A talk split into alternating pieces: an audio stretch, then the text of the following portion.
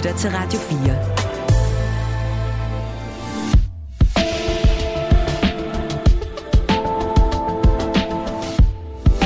Velkommen til Hovedet og Halen. Din vært er Mette Vibe Utzon. Det er nemlig rigtigt, og jeg dykker ned i nyhedsstrømmen og samler et par historier op, som jeg skal forsøge at finde hoved og hale i de næste par timer. Sammen med vores gæstevært, som jeg, hvis navn jeg afslører om et lille bitte øjeblik. Men øh, noget af det, vi skal finde hoved og hale i, det er jo, at amerikanerne kan få groft sagt alting til at ende i en retssal. Og selvom vi ofte går og griner af dem og alle deres skøre søgsmål herovre på den anden side af Atlanten, så kan de jo godt have nogle pointer.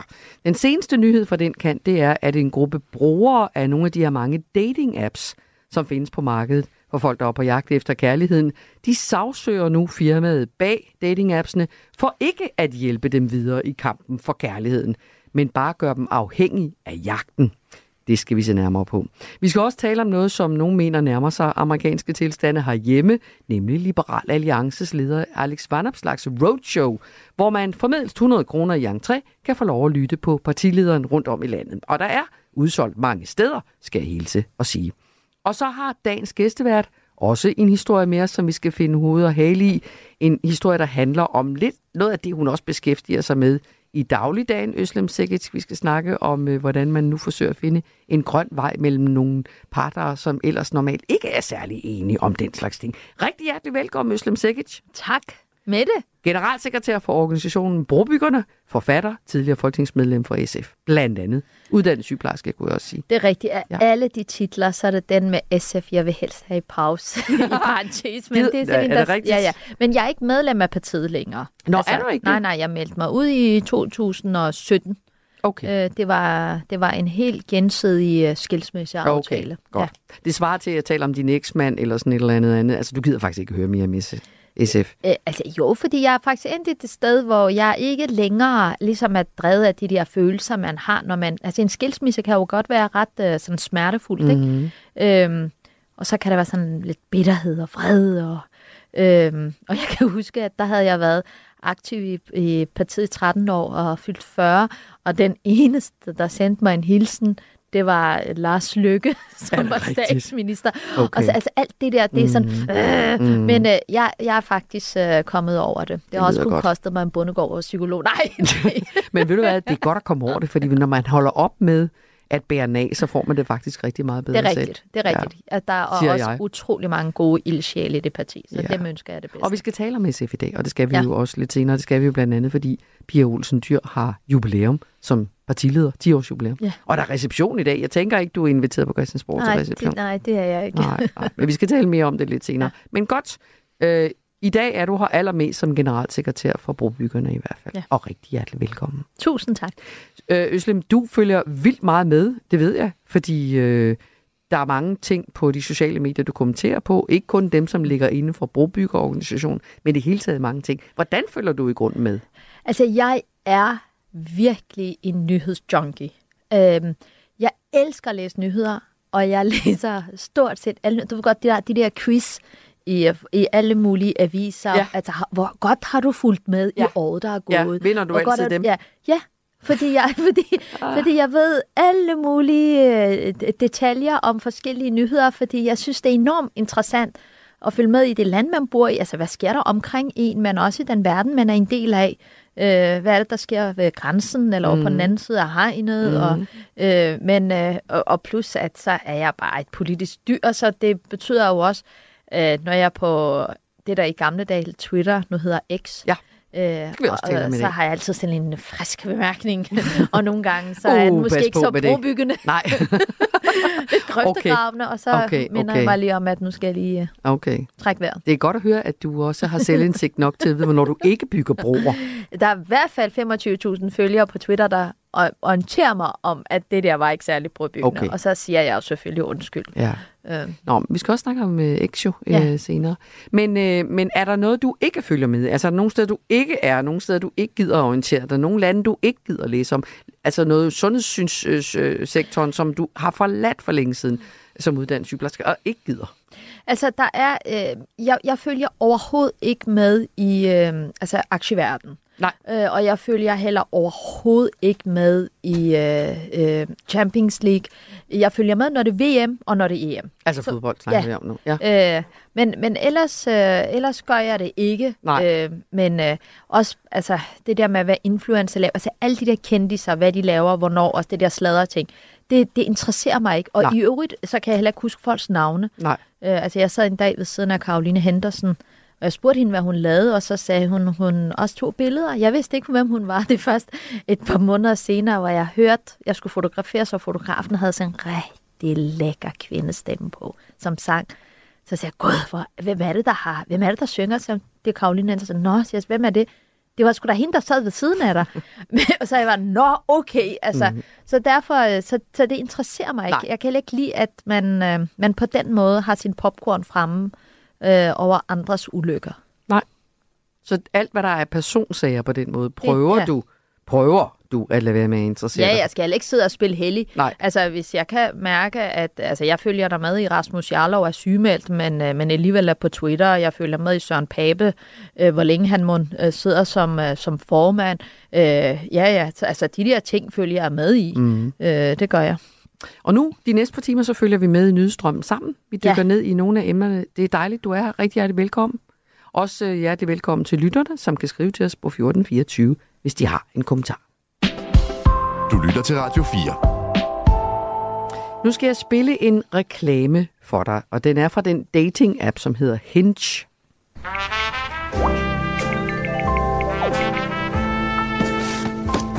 Hinge wants you to meet someone great. Even if it kills us. Because when you find the real thing, you won't need us anymore. Which is kind of the point. Hinge, the dating app designed to be deleted. Ja, altså man kan høre i reklamen, Hinge er sådan en dating-apps for dem, som sådan skal i hvert fald være, måske fremstå lidt mere seriøse end for eksempel Tinder. Her er appen, hvor du finder kærligheden, og så sletter du appen, fordi så har du ikke brug for den mere. Men det er nok i virkeligheden måske ikke helt sådan, det er for særlig mange, fordi Tinder og Hinge, to af de her mange, mange dating-apps, som findes på markedet for kærlighed, er nu blevet sagsøgt for ikke at hjælpe med at finde kærligheden, men i stedet for i virkeligheden bare at gøre folk afhængige. Op Og, og, og lad mig gætte. Ja. De er blevet sagsøgt i USA. Ja, selvfølgelig. Ja, okay. Ja. Og op mod 100 millioner mennesker i verden bruger Tinder og Hinge. Den der man måske knap så mange har hørt om. Ifølge Danmarks Statistik var 600.000 danskere på dating-apps i 2020. Det er øh, seks private amerikanere, som har sagsøgt det her firma. Man må tænke, at de har været brugere. Måske er de brugere øh, bag nogle af de her apps, fordi de altså mener, at de er med til at designet til at udnytte kærlighedssøgende brugere og gøre dem til misbrugere. Hvad er det så konkret for nogle funktioner, som skulle bidrage til det? Og har sagsøgerne nogen og noget at have alt det her i? Øslem, vi har fået en klog gæst, Yes. ja, som ved både øh, mere end dig og mere end mig. Jeg ved vanvittigt lidt om det her. Vi skal forsøge at finde hoved og hale i, øh, hvad det er, der foregår. Christian Sketrup, rigtig hjertelig velkommen. Tak skal du have.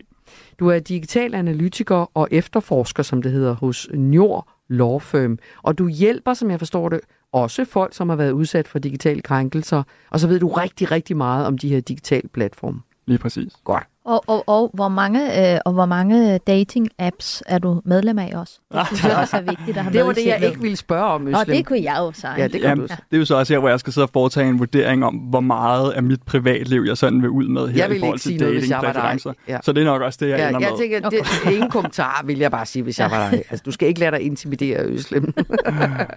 Men hvis du skal prøve at forklare os, fordi jeg, så, nu glemte jeg helt at tage telefonen. Altså, øh, øh, en af mine kolleger er på, øh, på nogle af de her øh, apps, og øh, sagde faktisk, at jeg måtte godt låne hendes, fordi hun har lige i dag forklaret mig, hvordan det fungerer, det der med Tinder og Hinge. Det der med, at man swiper, men, men man, man, hvis man vil mere end swipe... Nu, skal, nå, nu kommer hun med den. Tak, André. Se, der er en meget nydelig mand, der hedder... Jeg kan ikke se, hvad han er. Jeg ved ikke, hvordan jeg skal udtale hans navn. 32, han ser vældig sød ud. Øh, noget for dig, Øslem? Nå. Men, ja, jeg, har, jeg har allerede en Du mand. har en mand, ja. det er også rigtigt. Men, men, men hvad, altså, kan, du, kan du forklare os, Christian, hvad det er i det, den her app, det her appsystem, skulle gøre, som skulle gøre en afhængig? Ja, jeg tror, man skal starte med at zoome en lille smule ud. Fordi det, der er interessant her, det er jo, at vi befinder os i en tid sådan rent historisk, hvor sociale medier og alle mulige andre digitale tjenester, som rigtig, rigtig mange af os bruger hver evig eneste dag, de er øh, udsat for mere kritik, end de tidligere har været. Okay. Og det er jo netop, fordi vi har set nogle af bagsiderne ved det. Og nogle af de bagsider, vi har set, det er sådan noget som ekstrem fastholdelse og datahøst og alt muligt andet. Og fastholdelse, det er netop en af de ting, som Tinder nu også bliver kritiseret for i det her søgsmål. Men vi, det, er det ikke vores eget ansvar at holde op med at sidde og swipe? Nu, swipe, nu var der kommet Philip på 41 her, og her er Theo på 38. Altså, jeg kan jo bare holde op igen. Jamen, kan du bare det? Det er jo så det, der er... Ja, nu det er jo er, så det, er der de lidt for unge til mig, de her. Men, men hvordan fastholder det? Kan du ikke prøve at hjælpe os med at, altså, så sidder man med sin Tinder og sin telefon, og man har været lidt på den, og så tænker man, okay, der er i hvert fald ikke nogen profiler, som matcher min, så lægger man den fra sig, og man går i køkkenet, fordi man skal lave mad. Yes. Hvad så? Ja, lige præcis. Og, og det er jo netop de her fastholdelsesmekanismer, som der er fokus på i søgsmålet, blandt andet. Og det er jo øh, for eksempel sådan noget med, at du har et begrænset antal swipes. Altså Mhm. det vil sige, at du kan, du kan swipe et vis antal gange til højre. Okay. Altså det vil Jeg sige, det er der, her, hvor du ja. liker folk. Ja, ja. Og, og, og det, det her i sig selv, det virker jo sådan ret neutralt. Altså du får muligheden for at opstille, opstille et aldersinterval og så en radius, og så kan du swipe dem, der er inden for den, det interval. Altså ligesom boligsiden. Ja, ja, det, det, Jamen, altså, det kan du altså, sige. Ja, sådan lidt, det ikke? må være det altså, samme, fordi ja. så vil man gerne have en lejlighed, og man vil gerne have den på Østerbro, og så koster, skal den koste så meget, så kan man altså vælge mellem de fem forslag, der kommer. Ja, lige præcis. Og, og når man hører det her, og når man først ser Tinder, jamen så kan man godt sidde med indtrykket af, at det er jo bare det. At det er sådan en, en form for en neutral mm. øh, datingtjeneste. Mm-hmm. Men det er ikke tilfældet.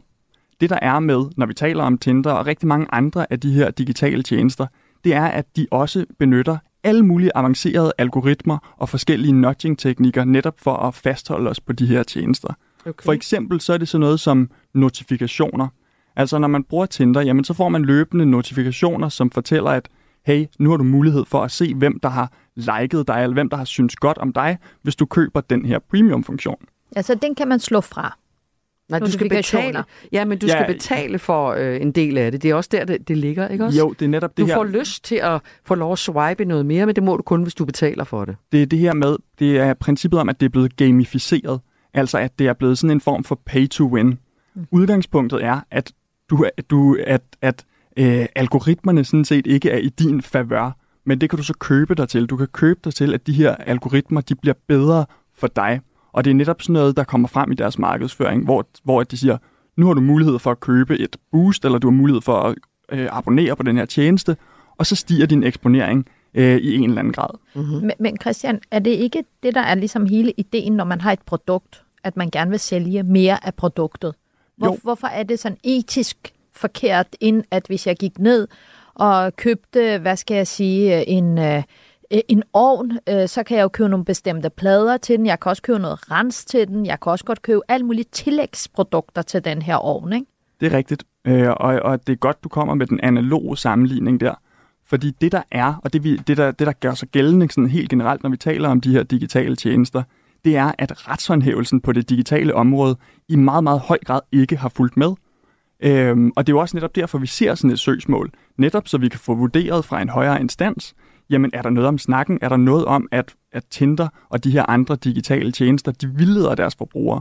Altså det, de lover dem, er det faktisk noget, de overholder? Altså det der med, hvis du tror, du kan finde kærligheden, hvis du tror, at det er det først og fremmest går ud på, ud over at tjene penge, du har ret. Mm. Altså det er lidt ligesom at tro på sin bankmand, eller noget i den stil, ikke? Altså de, they're in it for the money. Hvis du tror, at det her er det udsnit af potentielle kærester, du kan finde, som er som er nogen, der har fundet, nej, jeg står og vrøvler, men altså, som nogen har fundet til netop dig, så er det ikke nødvendigvis først og fremmest det, det handler om. man skal i hvert fald forholde sig til det her med, at den virkelighed, man ligesom bliver præsenteret, når man bruger de her datingtjenester, det er en virkelighed, der er påvirket af alle mulige algoritmer. Så, så den virkelighed er nok lige så rigtig som den virkelighed, der blev præsenteret i, i Platons hulelignelse. Ikke? Mm-hmm. Øhm, så, så, så det tror jeg er rigtig vigtigt, man er opmærksom på det. Øh, og der har vi jo i hvert fald i Danmark noget forbrugerbeskyttelse, blandt andet markedsføringsloven og alt muligt andet. Og det er jo relevant at se det i det lys. Altså overholder øh, Tinder og alle de her andre datingtjenester det, som de lover deres forbrugere. Vil du sige, at de gør de? Øh, det er jo rigtig svært at sige. Mm. En, en sådan en helt essentiel udfordring, når vi taler om Tinder og alle mulige andre digitale tjenester, det er, at det er notorisk lukket land. Vi kan ikke få indsigt i de her algoritmer, de bruger. Vi kan ikke få indsigt i forretningsmodellerne.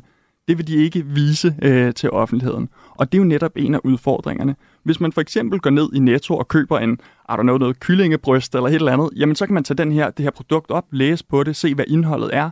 Der er det her det her i. Det kan man ikke for digitale tjenester. Og det er også der, hvor at jeg mener, der er... Jo, men, men er det ikke en nemmere øh, sådan forklaring, hvis du for eksempel gik ned i, i McDonald's og købte en burger, så er det jo heller ikke sådan, at du ved, alle de øh, stoffer, de bruger i den, at det kan faktisk ødelægge din immunforsvar, din nyre, din ene og den anden. Altså, eller, det, det får du heller ikke at vide. Nej, det kan man sige, men der er så alligevel en eller anden form for sikkerhed om, at der ikke er øh, giftstoffer i og alt muligt andet. Det er rigtigt nok, en Big Mac er måske ikke super sund, men, men alligevel så kan du være ret sikker på, når du går ned og køber en burger, at så er der ikke arsenik i. Øh, og det der med, at man, man tjekker analog produkter, for at, eller i hvert fald øh, sørge for, at det ikke indeholder øh, giftige og ulovlige stoffer, jamen det, den, den pandang har man ligesom ikke i det digitale. Fordi du tænker, at der, der kan være noget, som er farligt for den enkelte. Lige præcis. Og det kan for eksempel være sådan noget som fastholdelsesmekanismer. Men har de så en god sag? Fordi det er vel det samme på alle sociale medier, det her, at man får den der fornemmelse af, lidt ligesom når man så har købt den der lejlighed, øh, så kan man ikke holde op med at kigge på øh, boligannoncer, fordi man er simpelthen blevet så afhængig af at skulle se, hvad man kunne have købt, hvis man ikke havde. Er det, er det ikke det samme overalt i virkeligheden? Øh, jo, og der taler du også netop ind i den her problemstilling. Ja. Og, og ind i det her med, at vi står i et øjeblik lige nu, hvor der er øget modstand mod rigtig mange af de her såkaldte sociale medier. Øh, og, og det er jo netop fordi, vi har set nogle af bagsiderne øh, ved, ved øh, sådan noget som Facebook og TikTok mm. og alt muligt andet. Har de en god sag, tror du? Måske, måske ikke. Altså nu har jeg ikke læst søgsmålet, Nej, øh, og min på. kendskab til amerikansk ret øh, hænger nok også en lille smule efter. Øh, men, men det er jo i hvert fald interessant at se, hvad der kommer ud af det her. Og så bed jeg mærke i den her reklamevideo, at de siger, at det er en app, der er designet til at blive slettet. Ja. Og det er jo interessant, ja. fordi hvis man kigger på datingtjenesternes forretningsgrundlag, så kan man jo lidt kritisk stille sig selv spørgsmålet, hvilken interesse har de i, at folk de går af de her apps? Hvilken interesse har de faktisk i, at folk de går ud og finder en kæreste?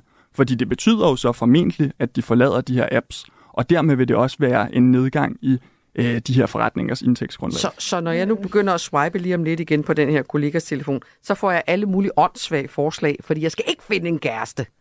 Fordi hvis jeg gør det, så hopper jeg af den. Potentielt. Ja. Vi ved det ikke, fordi vi har ikke indsigten. Vi, vi, vi får ikke indsigten fra virksomheden selv.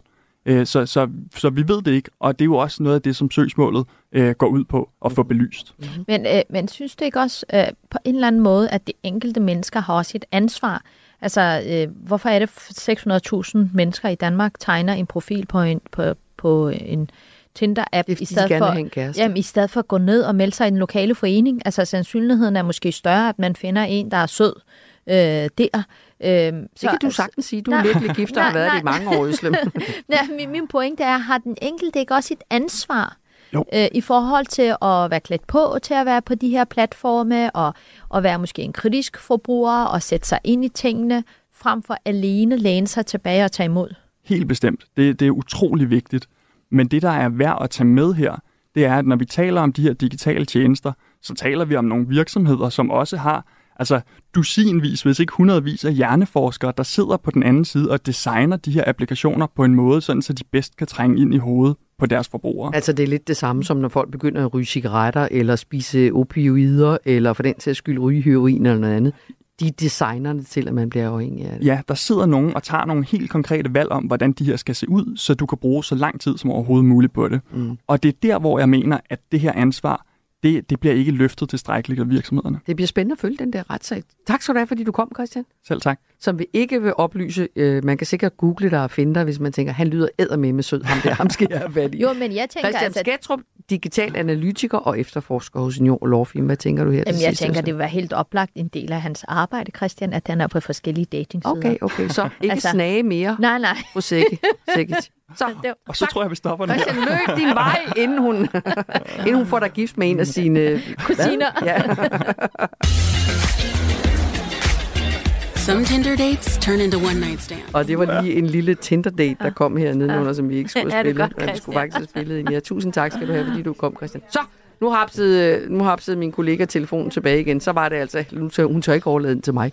Det er nok meget godt, fordi jeg får hende matchet op med et eller andet øh, mærkeligt, måske. En eller anden Sød, måske. Øslem, øhm, Men er det, er det ikke interessant? jo, det er altså, super det, interessant. det er så interessant, det der med, hvad er det, der også sker hos den enkelte? Altså, at man tror, en app kan løse tingene for en. Men det er jo ikke? fordi, man ikke ved, hvor man ellers er. Altså det der med, at man går bare ned og melder sig ind i en forening, det er det altså ikke. Men, men sådan har jo været. Danmark er jo det sted, hvor der er hav og tusindvis af foreninger. Ikke? Jo, jo. Jeg tror også, måske nogle gange leder man efter den eneste ene og den perfekte, og det er jo også det, jeg synes, der er så mærkeligt ved de der apps. Det er, at du kan simpelthen sige øjenfarve, højde, altså så du kan ligesom, ligesom designe mm. din ønskemand. Mm. Øh, men jeg vil bare sige, den ønskemand, altså min ønskemand har også sådan en lille topmave og lidt nogle deller her og der og grå hår og, og hår der. Altså, så så det, man skal måske også nogle gange være bevidst om, hv- hvilken design man vil have i forhold til hvad de er det, her man partner. leder efter? Ja.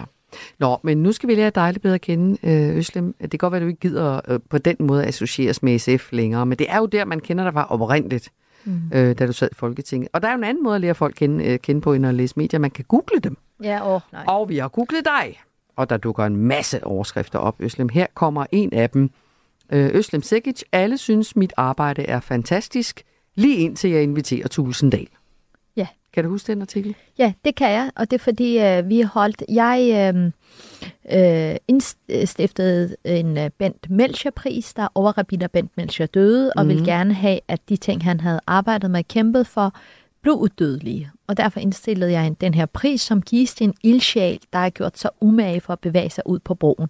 Og, og første år handlede det om tolerance. Mm. Øh, og så skulle vi lave en sjov øh, quiz øh, mellem øh, øh, politikere og journalister, og, øh, og der inviterede jeg Christian Tusinddal med. Øh, I øvrigt sad, øh, var Paul Madsen, der fra Ekstrabladets chef, tidligere chefredaktør, og Manu Saren, tidligere minister, Pernille Skipper. Øh, men så blev folk rasende på venstrefløjen, fordi jeg havde inviteret Christian Tusinddal. Altså venstrefløjs folk blev resten på dig? Ja. Ja. Fordi de synes, altså, og de kaldte ham for alle mulige ting, og, og det blev enormt meget personligt, den måde, de angreb ham, og, øh, men så sagde jeg, men jeg forstår det ikke, det er jo en, altså, det er jo en aften i tolerancens navn. Men, de, Men så tolerante var de heller nej, ikke fordi på de, venstrefløjen. de, ja, de mente, at øh, de var jo, de, altså, de mente, der var en grænse for tolerance, og der var mange, de ikke ville tolerere. Og når jeg skrev alle dem, de ikke ville tolerere, så var der kun én gruppe tilbage. Det var, de ville tolerere dem, der mente det samme som dem. Ja. Og det var der, hvor jeg sagde, at øh, altså, det er først, når folk... Altså alle synes, det er en god idé. Jeg er brobygger. Det er først i det øjeblik. Du inviterer nogen, de ikke selv bryder sig om. Ja. Så er det hele ideen med brobyggerne så i virkeligheden? Hele ideen med brobyggerne er, at vi skal ud på broen og møde dem, vi normalt ikke vil mødes med. Mm. Fordi i mødet øh, kan man blive klogere på sin egen ståsted, men også være måske mere bevidst om sin egen fordom og blinde vinkler. Mm. Øh, så, og ikke fordi man skal være enig. Øh, jeg dyrker ikke konsensus, og det gør vi heller ikke i foreningen, men mere, vi skal tolerere den uenighed på en konstruktiv måde. Mm. Og nu har din øh, organisation efterhånden over 10.000 øh, medlemmer. Ja, ja. Jeg plejer at drille Søren Pape med, at konservative har eksisteret lidt over 100 år, og øh, brobyggerne har eksisteret lidt over fire år. Vi har næsten samme antal Oh, medlemmer. det må gøre ondt på en konservativ partiformand. Ja, men han, han, er, han har stort hjerte nok til at smile alligevel. Nå, det er godt. Jeg tager, lad os tage en overskrift mere. Øh, Øslem Sekic, jeg håber, min datter kigger på min historie og tænker, hvis mor kunne, så kan jeg også. Ja, øhm, og jamen det, det handler faktisk om rigtig mange ting, fordi det handler jo om at være mønsterbryder, som jeg er. Øh, det lyder bare så positivt med det. Øh, Det er det bliver, bedste ord, der findes. Ja, og man, og man bliver altid hyldet for alle de Mhm. mønstre, man har brudt. Men Ja. at være mønsterbryder er også en meget smertefuld proces, fordi øh, jeg har jo arbejdet mig op fra bunden af samfundet, øh, og der er, ikke, der er ikke meget sol, der skinner der. Øh, så jeg håber jo, at min datter på en eller anden måde, at jeg kan være hendes rollemodel. Øh, Men hun bliver jo ikke mønsterbryder, din datter, på Nej, samme måde, vel? Husk lov for det. Det Ja. vil jeg ikke ønske. Altså, øh, jeg, jeg synes, det bedste er jo ikke at være mønsterbryder. Mm. Øh, for det, det er hårdt at bryde mønstrene. Øhm, så, og det, jeg tror, at citatet er lige efter Vild med dans, eller er det lige efter... Øh, Det er fra Heartbeats øh, podcast, kan jeg så fortælle dig. Det er fra... Nej, undskyld, det er det ikke. Det er fra Altinget, en artikel i Altinget. Ja. Ja, kan du huske, hvornår det er Nej, fra? det, jeg kan faktisk heller ikke rigtig Nej, se men det kunne, noter. være, altså det kunne være, øh, efter jeg valgte ind i Folketinget, det kunne være, da jeg var den første muslimske kvinde, der var på dansegulvet i Vilma Dans. Det kunne være alle mulige ting, men det er det der med at kunne få sig selv med og se sig selv i spejlet og være stolt af det, man selv udretter. Mm. Det, øh, det ja. håber jeg kan Det er for, jo, nu bliver jeg også fortalt i øvrigt, det er mig, der hopper rundt i det. Det er for det, der hedder Heartbeat, Heartbeat af den Ja. her podcast, du har sagt Ja. ja. det. Så nok er du selv mønsterbryder, du har betalt en høj pris, og derfor er du egentlig for sig glad for, at du har brudt et mønster, som din datter ikke behøver at bryde. Mm. Ja. Ja, og det kommer de ikke til. Mine børn kommer til at være ligesom alle mulige andre majoritetsbørn, øh, som har forældre, der har en uddannelse, øh, er selvforsørgende, de har tag over hovedet, og, øh, og, og, det, og det synes jeg er jo fantastisk, Mhm. øh, at, øh, at man kan faktisk ende lidt der selv som mønsterbryder. Det er i hvert fald formålet, at ens børn ikke skal... Altså, livet behøver altid ikke at være en kamp. Altså, Nej. det, nogle gange er det også okay, de er Ja. alene med mig skændes over øh, opvasken, Mm. end at jeg skændes med mine forældre om, hvorvidt jeg kunne være med til, til lejerskole. Ikke? Så, så, så opvasken er langt sjovere at skændes om end det andet. Du lytter til hovedet og halen. Sådan siger Øslem Sikkert, som er dagens gæstevært. Nu skal vi tale om, øh, om en af dem, som du prøver at bygge bro til med, kan man måske godt sige. Øhm, Alex Vanopslag. Gå ikke glip af Alex Vanopslags tanker om Danmarks fremtid, vævet sammen med en personlig beretning om hans korte, men også spændende politiske liv. Det er en lille smule øh, sjovt øh, formuleret, synes jeg. Men sådan lyder beskrivelsen af Liberal Alliances formands turné rundt i blandt andet Jylland. Alex og ansvaret, og Jysk hedder showet. Nå, det er kun Jylland, ja. Og det havde premiere i går i Herning med mere end 1000 solgte billetter. I juni sidste år optrådte han også i KB-hallen på Frederiksberg med 2700 fremmødte, og der var du også, Øslem. Der var du også gæst, og det lød blandt andet sådan her.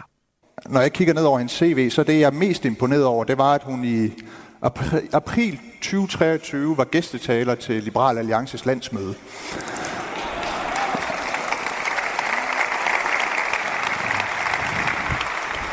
Mine damer og herrer, vil I ikke give en uh, varm velkomst til Øslem Sekic.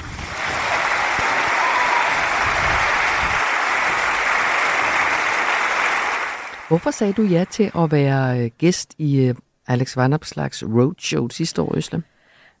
Altså, jeg, jeg synes, det var et helt vildt spændende initiativ, at øh, man ser det meget i udlandet. Nu har jeg også rødder fra Tyrkiet, hvor man laver de her kæmpe øh, politiske arrangementer, hvor, øh, hvor der er også en helt anden slags gruppe mennesker, altså en slags mennesker, der mm-hmm. kommer til den. Mhm. Øh, der var mange unge til stede, og der var mange mennesker, som jeg normalt aldrig nogensinde ville være i rum med, var til stede. Så jeg tænkte, det var der en helt oplagt mulighed øh, til at kunne komme ud og både måske nedbryde Tal nogle til af nogen, deres, du ikke snakker til normalt. Mm? og nedbryde måske nogle af deres fordomme, eller min egen fordom. Så på den måde, så, så sagde jeg ja. Ja, og vi kan lige snakke mere om, hvad det, hvordan du så oplevede det, men lad os byde velkommen til vores øh, gæst her, Birgitte Borup. Rigtig hjertelig velkommen. Mange tak skal du have.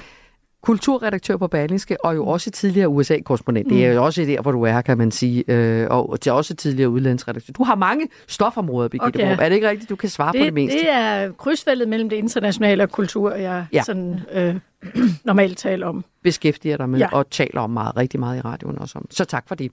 Hvad, hvis du skal se på det her, nu siger Øslem, det, sådan gør man også i Tyrkiet, sådan gør man også i USA. Ikke? Ja. Det her med at sende politiske profiler eller personligheder rundt i landet, ligesom. Hvad synes du, det er, Vandopslag har gang i her, set med dine øjne? Jeg synes øh, sådan rent øh, taktisk, at det faktisk er lidt af en genistreg. Øh, det Alex Vandopslag er i gang med, det er jo en styrkelse af den fænomengørelse af ham, som øh, han jo allerede øh, er i gang med at bygge op. Ved sidste valg var det TikTok, det galt, altså hvor han gik ud, fik fat i en ny målgruppe, fik præsenteret sig selv på en ny måde.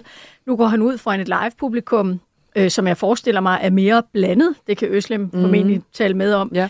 Øh, altså hvor, hvor jeg forestiller mig, at han får fat i også en, en, øh, en lidt ældre målgruppe, end dem han rammer på TikTok. Men dynamikken er jo den samme. Han opfinder nye formater til at komme i kontakt med vælgerne.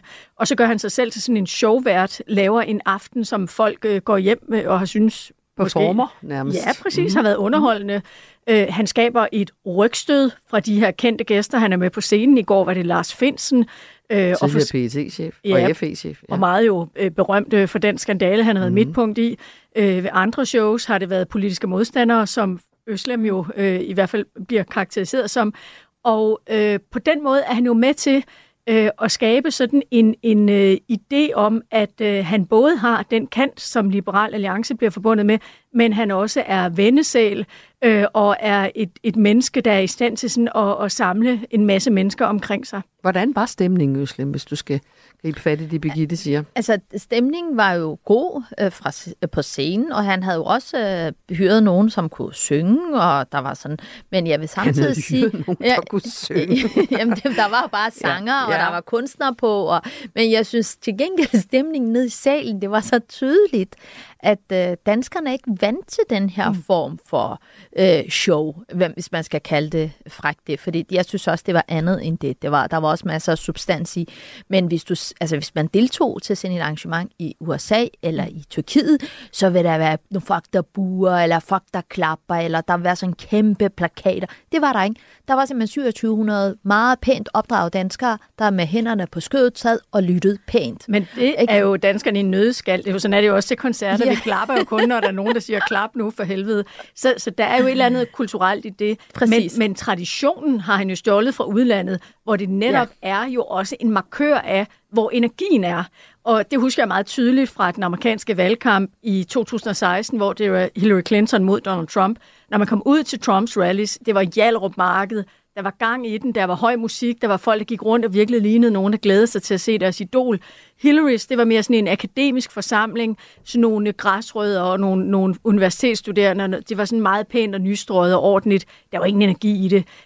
De, de rallies øh, var i virkeligheden nok den bedste indikator på, hvordan valget ville gå, og det var jo også lige præcis sådan. Men, det, men det. Birgitte, hvad tænker du, at de amerikanske er designet til? Altså, er det, det er jo vel i højere grad, end det lyder som om, at det du var en del af, det er vel i højere grad en hyldest til lige præcis den person, så der har man klappepølserne mm. fremme. Det her lyder som om, Alex Vanderslag vil forsøge at fagne bredere i samfundet også, med, hvis det han inviterer dig, og Lars Lykke var der også sidste år, sådan nogle ting. Eller hvad? Jeg har svært det helt at finde ud af, hvad formålet egentlig helt er, må jeg være ærlig at sige.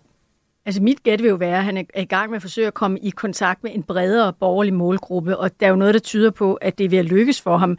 Han ligger i hvert fald utrolig lunt i svinget i meningsmålingerne, mens det borgerlige Danmark generelt set befinder sig i en ret dyb krise. Moderaterne har det svært, Venstre har det enormt meget svært. I går, det er også værd at bemærke, øh, Vandopslag står i Herning, Venstres øh, hjerteblod i deres mm. hjemmebane, som han går ind og indtager med en fyldt sal. Konservativ står på kanten, måske af et formandsskifte. Der er i hvert fald ikke rigtig nogen, der kan finde ud af, øh, hvad der skal ske i, i partiet fremadrettet. Enter Alex Vanopslag. Ja. Og den chance går han ind og tager, og, og det synes jeg også, vi skal se det her som et udtryk for, uden at jeg skal gøre mig til ekspert i dansk politik, men jeg synes, der er nogle tydelige tendenser i det. Han går ind her og opfinder endnu en kommunikationsform, og viser jo også sådan et innovativt talent, som jeg tror, han gerne som politisk karakter vil forbindes med. Mm. Men tror du, tror du, han kan få nogen over på sin side? Altså, kan han overbevise folk? Øh, fordi jeg var jo ret overrasket over, lige efter øh, hans, da, da jeg medvirkede, der kom simpelthen nogle unge over til mig, som stemte enhedslisten. Mm. Så tænkte jeg, what? Altså, de havde øh, også ovenikøbet købt en billet for at være med. Og så koster spurgte jeg 99 dem, kroner Ja, at komme til og- koncert, skulle jeg til at sige, komme til øh, Ja, ja, og det går sikkert rally. op i alle de der øh, udgifter, de har, når de skal øh, booke de der kæmpe hale. Ikke? Øh, men så spurgte jeg, hvorfor. Og så sagde de, de var så nysgerrige. Mm. Og så tænkte jeg, det er virkelig godt tænkt. Altså, hvis man alene kan vække folks nysgerrighed, øh, så er det da et godt skridt på vej. Men jeg ved det ikke, altså virker det? Virker det her? Hvad er din erfaring? Det, det er jo det store spørgsmål. Altså man kan sige, at USA er jo så polariseret på det her tidspunkt, at man kommer til, på besøg hos sine egne. Der Ja. var aldrig i livet en demokrat, medmindre man tilhører øh, et eller andet medie og skal ud og dække det, der kunne finde på at dukke op til et Mm, Trump-rally, præcis. eller ville ses der. Altså, mm, Øh, det, det, det, det vil ikke ske. I Danmark tror jeg lidt, det er noget andet. Jeg, øh, det her mm. falder også sammen med, hvilket er meget interessant, der er en kulturel tendens lige nu til, at vi gider for eksempel ikke gå i biografen længere. Vi vil meget gerne ud og opleve sådan nogle live events. Vi går meget til koncerter, vi går i teatret, vi går ud til foredrag og til den her type shows. Øh, så der rammer han også et eller andet i tiden, der er efter corona. Vi vil gerne ud og opleve noget sammen med andre. Så jeg tror, han får fat i en meget bred øh, målgruppe. Folk, der stemmer på alle mulige partier. Og det kan jo sagtens være, at han ikke får vendt en, en stor vælgerstrøm. Det tror jeg som ikke, han nødvendigvis gør. Men lurer mig om ikke der i hvert fald er nogen, mm. øh, der, der måske vil overveje at stemme på ham. Plus, at det han får ud af det er også omtale. Nu står vi her og taler om det. Berlingske har lige nu på, på vores hjemmeside en stor reportage derfra. Mm-hmm. Det havde vi jo det også i juni, da han optrådte i KB-hallen. Alle de regionale I medier... sender journalister ud simpelthen. Præcis. De fleste journalister kommer nærmest ikke ud af døren for de store bladhuse. Jamen, jamen det, det har du desværre en pointe ja. i, men det er jo så rigtigt nok. Men her Øh, sender man folk ud, Jamen, ja. og, og jeg så TV MidtVest, det er hans gamle hjemmeegn, han er fra Struer, de beskrev, hvordan at han var stjernen i partiet, og alle andre er vandbærere, altså i Liberal Alliance. Mm. Han får virkelig dyrket fænomenet vandopslag, Ja. og jeg tror, det er det, der måske er det, i sidste ende af formålet, det er at gøre sig selv til et fænomen, øh, men, lige så meget som politiker. Men må jeg spørge, tror I, kan I se nogen andre? Fordi det, det kræver en vis øh, charme, og det har han jo også. Mm. En vis veltalenhed, det har han også. Øh, og alt det går måske forud for hans politik, ja, og... også og- nogle, for nogle af de unge. Er der nogen andre, der vil kunne gøre det her? Kan vi sende, kan vi sende Lars Lykke på sådan en scene? Kan vi sende Mette Frederiksen? Kan vi sende Pia Olsen Dyr, som vi skal snakke om det senere? Altså, er der andre, der vil kunne lave det her, tror du, Birgitte, som, eller Øslem for den sags skyld, som vil kunne stå distancen? Altså, jeg tror godt, for eksempel Lars Lykke, da han startede Moderaterne, mm. det ville han have kunnet. Okay. Altså, der, der skete simpelthen, han, han formåede på en eller anden måde at være den samlende figur. Øh, og han havde også sådan lidt øh, øh, superstjerne over sig. Øh, så, men, øh, men, men dem, der har magten, har det altid sværere ved at gøre de her ting, fordi at de skal stå til ansvar øh, på en anden måde. Mm. Men problemet er jo ikke så meget, at Alex gør det. Problemet er mere, at de andre ikke gør det. Eller hvad, hvad, hvad tænker Jamen du? det, jamen det synes jeg er meget rigtigt, fordi der, det kan man jo også se, så snart nogen bliver minister, så ligner de jo lige pludselig sådan nogle forslæbte øh, mennesker, som, som øh, øh, er fuldstændig overvældet af, af tingenes alvor, og også den travlhed, der følger med. I det sekund, du sidder i regering, så er det meget svært at gå ud og lave sådan noget her, fordi så har du ansvaret. Og der er I jo også paradokset, det her show hedder Alex har ansvaret. Sandheden er, at han er jo ikke ansvar for ret meget lige nu, nej. andet end at promovere Han sig skal bare selv. stå op og børste sine tænder Lige hver morgen. præcis, ja, og, ja. og sørge for at binde slipset, og så i øvrigt Ja. møde op til tiden. Så altså mere ansvar har man jo heller ikke, og, og det, er jo, det er jo det, øh, der er paradokset i det. Men hvis du spørger, hvem det ellers kunne være, Ja. ja. for jeg kommer i tanke om en, jeg, jeg tænker Inger Støjberg, mm. også fordi hun står udenfor, og hun har lidt, det, altså det det her handler om, det er jo også at have en person, der kan bære det. Ja. Have en person, der kan bære det narrativ, man repræsenterer. Det kan hun også. Det er noget med at owne det, Men må som jeg de unge spørge dig siger. om noget? Fordi det her stiller jo nogle andre krav til journalisterne og medierne. Fordi mm. medierne, hvad, øh, politikerne er rigtig gode til at bruge deres egne øh, øh, SoMe-kanaler, social mediekanaler, hvor de uden de her kritiske spørgsmål kan fremlægge. Nu, altså landsmøderne er efterhånden blevet sådan en klappe kage, øh, sådan en, et, øh, et udstillingsvindue, og nu er der startet den her trend mm. med, at man fylder sale, og så sætter man selv dagsordenen. Og jeg så jo også Berlinske. Jeg holder så Berlinske, fordi vi har en rød statsminister, og når den er blå, så holder jeg politikken. Men, Mhm, spændende. Ja, øh, og, øh, og, og der så jeg den her rapportage, og så tænkte jeg, mm, altså har journalisterne ikke et andet? Altså, hvor- hvordan sørger I for, at I bliver ved med at være den fjerde statsmagt og kan gå kritisk til de her politikere ind og alene og lave rapportager og tælle, hvor mange mm. øh, ledige stole der var? Men det synes jeg er et virkelig relevant spørgsmål, og det er jo noget, som allerede nu øh, viser, øh, at altså, vi har jo et vist besvær med det. Øh, det er jo ikke kun vandopslag. Mette Frederiksen bruger Instagram som sin primære kommunikationskanal. Det at få en politiker til at sætte sig ned og stå til ansvar, det er blevet en anden opgave, end det var tidligere. Øh, men der er en lige linje fra politikerne til folket, som ikke fandtes før, og her har Alex, Alex Van Opslark så opfundet endnu en, hvor han kan kommunikere direkte. Strengt taget, så er det jo også sjovt, fordi vi glemmer jo fuldstændig, at regeringen jo selv tog på roadshow for ikke så lang tid siden. gjorde de. Ikke også? Med Anders Breinholt og øh, popcorn og jeg ved ikke, hvad blev der meget kritiseret for det Og det gjorde de nemlig. Ja. Det slap de på en eller anden måde ikke rigtig afsted med, vel? Så der er altså også åbenbart forskel på, hvem der gør det, kan man vel godt Men det er jo igen det med ansvaret, for når du har ansvaret, så kommer sådan noget hurtigt til at virke for tygt, øh, fordi så mister de sin uskyld. Og mm. Vandopslags øh, kampagne her og roadshow har stadigvæk et eller andet element af, af uskyld, fordi han ikke... Øh, Fordi han ikke har noget ansvar, som du Præcis. Jo, siger. jo, der er heller ikke nogen, der spørger ham, hvad han mener om den her sidste reform, paragraf 20. Altså, Netop. det er der Nej, jo ikke. nej. Han fortæller om sin bog, øh, Og han Og- snakker med dig. og, han, ja, og det er Og jo i sig selv FE-chef. ekstremt hyggeligt. Ikke? Ja, ja, ja. Altså, at, det, Nå, vi får se, om der kommer flere, og hvem de i givet fald bliver, og om I skal have journalister af huse, Birgitte Bohr på Berlingske, når I skal dække det. Tusind tak, fordi du kom. selv Tak tak, fordi du kom. det var hyggeligt. Kulturredaktør på Berlingske, og altså tidligere udlandsredaktør også på samme avis. To piger, En på 8 og en på 10, de bliver øh, brutalt myrdet. I år 2000 blev hele Norge rystet af en brutal drabsag. Man er simpelthen ikke vant til at skulle øh, efterforske noget så grusomt som det her. Christian Sands politi indleder en efterforskning, som den dag i dag skaber flere spørgsmål end svar. Var der en, eller var der flere? Krimiland udfolder sagen. Er dem, man så ligesom anholder, de rigtige? Lyt med i Radio 4's app, eller der, hvor du lytter til podcast. Du lytter til hovedet og halen. Og hvis vi skal koncentrere os lidt om øh, det roadshow, som du er i gang med i dit liv, Øslem. Ja. ja.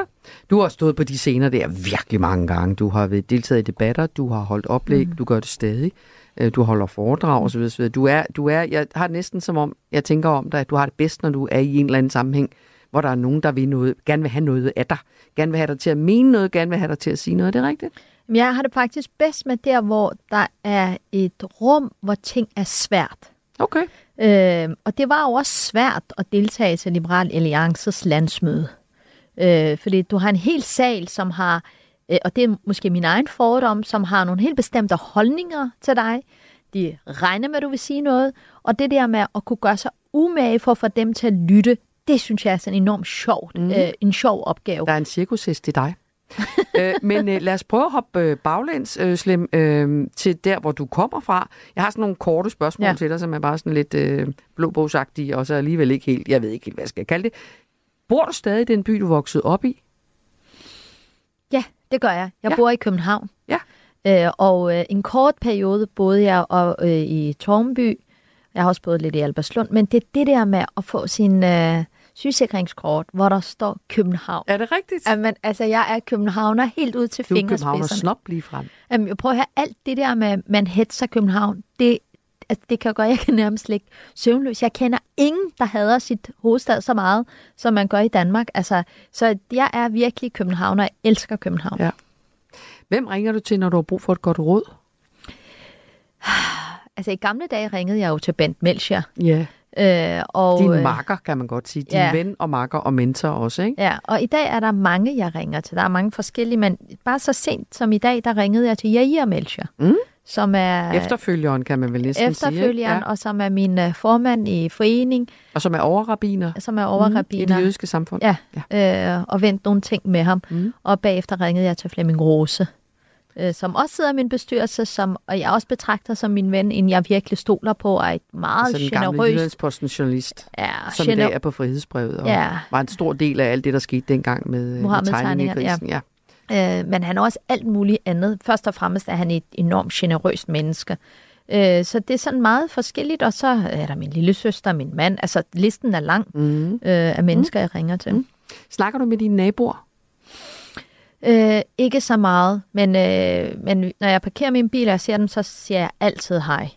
Øh, og hvis der er tid, så stopper jeg også lige op og spørger, hvordan det går med børnene og forskellige ting. Nogle taler man lidt mere med end andre, men, men jeg, er jo ikke, øh, jeg er jo ikke så meget øh, hjemme. Nej.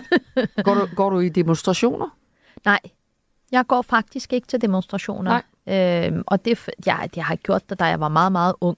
Men, øh, men jeg synes, det er svært, fordi der er altid til en demonstration af en eller anden, der råber et eller andet højt, og jeg, og, og jeg kan næsten ikke have, at øh, jeg Men- bliver taget indtægt for noget. Men ved du hvad, det er sjovt, fordi det har jeg gået og tænkt over det der med, hvad bliver der, hvad bliver der råbt til dem, som ønsker våbenhvile øh, i Gaza og alt det her, ikke også? Og det interesserer vi jo også i medierne mm. også rigtig meget for.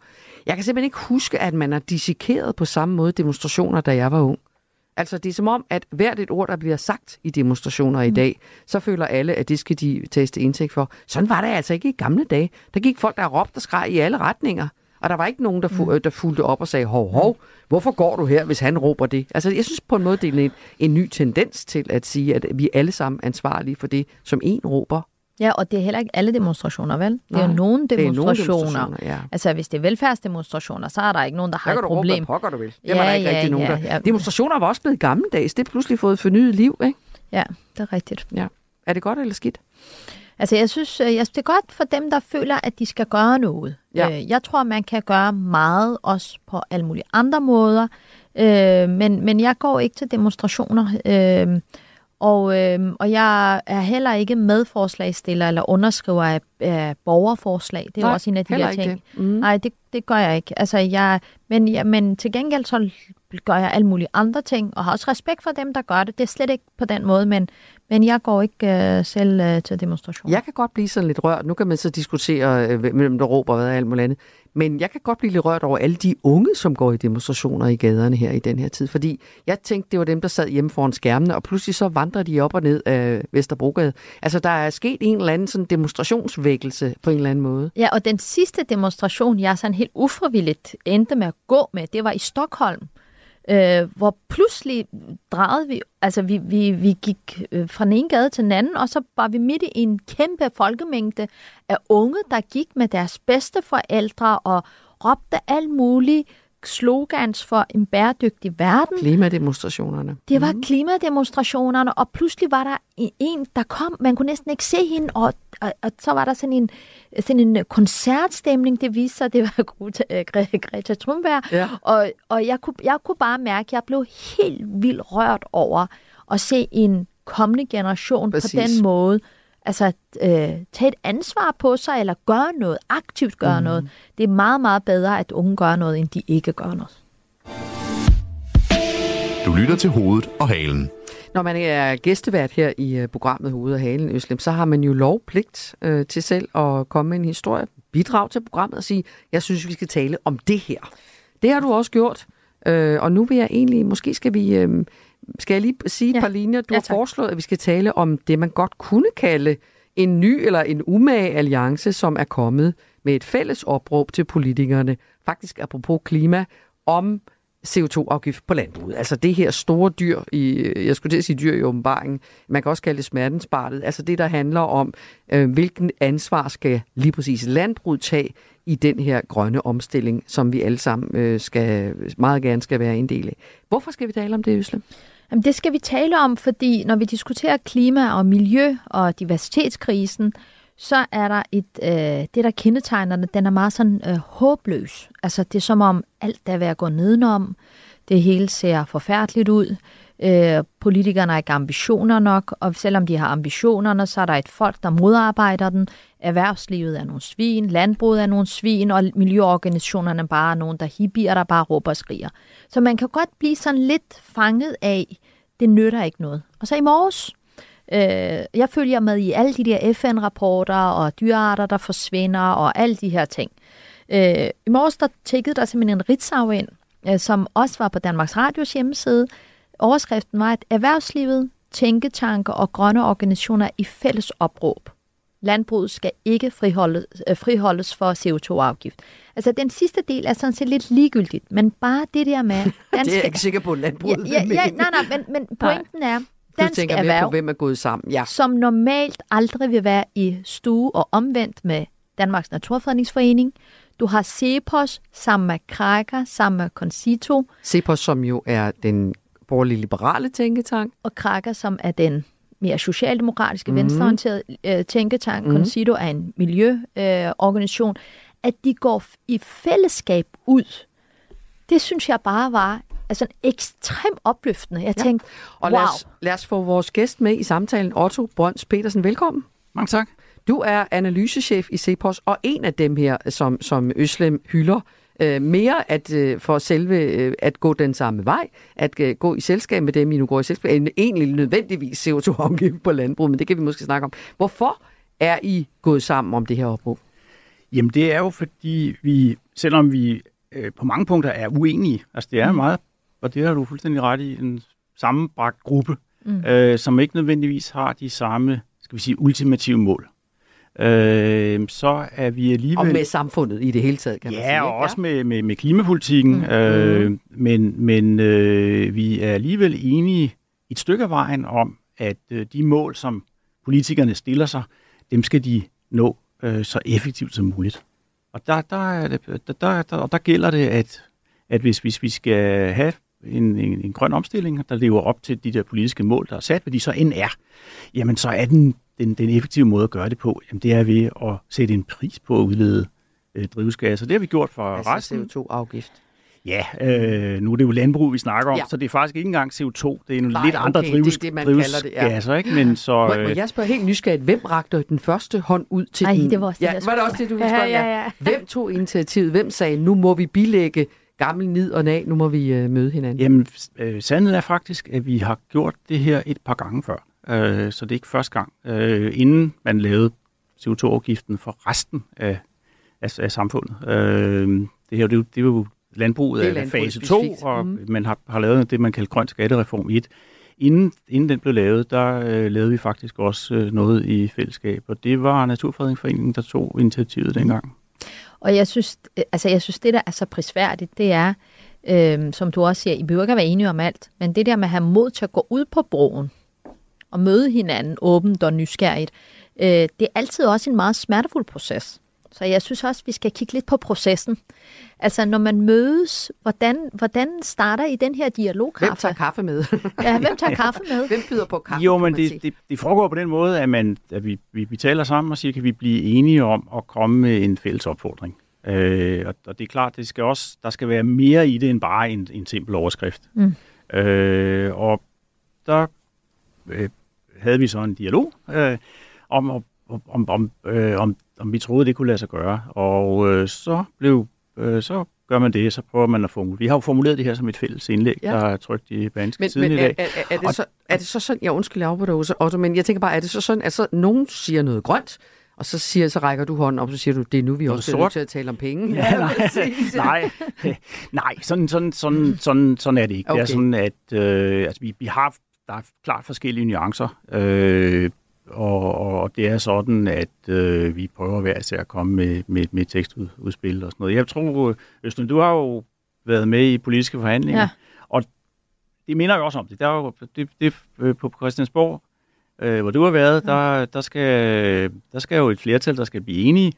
Øh, og det, de må også nødvendigvis øh, have nogle forhandlinger om, øh, hvad skal med og hvad skal ikke med, og, og så videre. Og så se, om de kan blive enige. Altså, det er jo klart, at politisk set, der skal man jo øh, i mange sammen, mm. der skal være en finanslov og så videre, så man er nødt til at blive enige om noget. Det behøver vi i den her gruppe ikke nødvendigvis. I kan godt Så vi- forlade hinanden igen. Uden Ja, og sige, det giver jo ikke nogen mening. Hvis vi ikke er enige, så skal mm. vi jo heller ikke komme med en fælles opfordring. Øh, men hvis vi kan være enige, og måske pege på, at der er nogle ting, der er fælles, uanset at vi har forskellige mål, så, så, så kan vi jo øh, stå stærkere alle sammen. Ja, og så er det jo sådan på Christiansborg, at nogle gange får man jo nogle utrolig gode forhandlingsresultater, fordi personerne, der er i rummet, kan godt være i rum sammen. Og så er der nogle gange nogle helt simple ting, hvor man tænker, her burde der være en enhed, som bare bliver altså, bombet i atomer, fordi de to personer, der skal sidde og forhandle der hader hinanden. Ikke? Hvor meget har I tænkt over de mennesker, I har sat sammen? Jeg tror, det, det, har, det har spillet en rolle, at alle, der har medvirket til det, har været indstillet på, at vi skulle prøve at se, om ikke vi kunne nå et fælles resultat. Og det, du har fuldstændig ret, hvis, hvis, hvis, hvis, hvis, hvis, hvis nogen er meget insisterende på, at det skal stå lige præcis på deres måde og, og så videre, jamen så, øh, så, så, så kan det blive svært at, at, at Mm. nå til enighed. Og det handler jo selvfølgelig også om, at der er jo ting, som vi ikke nødvendigvis siger noget om fordi vi ikke nødvendigvis er enige om det. Og det er heller ikke nødvendigt. Altså, vi skal jo ikke skal vi sige, løse alle verdens problemer. Vi, Nå, vi skal og- bare pege på det, vi er enige om. Og Otto, nu, nu nærmer sig en, øh, et nyhedsoverblik, men jeg vil jo godt, I, det er jo ikke, I er jo ikke kommet med jeres, vi kender ikke til detaljerne i det, I er blevet enige om endnu. Det kom først i morgen, ikke også? Nej, det, kom, Nå, det, det- det, er, det står øh, her i mine noter, at- Det er, det er, det er et såkaldt svaregruppe, som Okay. kommer, et ekspertudvalg, der kommer med deres betænkning i morgen. nå, Vores, den øh, ja. vores øh, står i Banske Tiden Godt. i dag. Som jeg ikke holder på samme måde som Er, Østlund. er, er, der, er der nogle sure landmænd, der har ringet til dig og sagt, ej, hvordan kan Cepos være med til det her, sammen med Danmarks Naturfredningsforening? Øh, jeg har faktisk ikke fået nogen, øh, nogen, nogen, nogen reaktioner i, i løbet af dag. Det skal der, det skal der nok være, og det, det, det er klart, at, at øh, udfordringen for landbruget, det synes jeg ikke, man skal lægge skjul på, er meget, meget stor, fordi hvis ikke man gør det her på en rigtig måde, så kan vi altså risikere at sætte en bølge af konkurser i gang. Og, og, og, og Otto, de, dem, som I måske kunne risikere, i hvert fald nogle af jer i gruppen, at være allermest uenige med, er jo heller ikke med. Dansk landbrug er jo ikke med.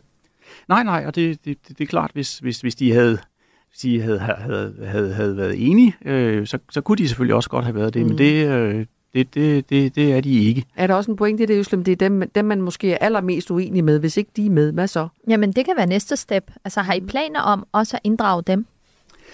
Ja, vi har ikke, vi har ikke sådan diskuteret at lave noget, noget nyt, øh, og nu kommer det her ekspertudvalg, som sagt, med deres, øh, deres betænkning, og så går de politiske forhandlinger i gang. Så kan det sagtens være, at vi, vi laver noget. Øh, igen, det vil jeg ikke afvise, og heller ikke, at, at det vil da være ideelt at tage dem, det berører mest umiddelbart. Det er jo landbruget, at Mm. have dem med også.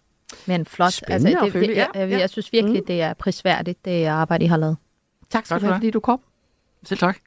Den sorte steppe, som du selv ser, Otto Brøns Petersen, som er analysechef i Cepos. Tusind tak for besøget. Øslem, vi har kun øh, 10 sekunder tilbage, så øh, kommer der lige et nyhedsoverblik på 5 minutter. Og så tager vi anden runde af hoved og halen. Det er dejligt at have dig på besøg. Tak. Jeg synes også, det går. Altså, hvis jeg må selv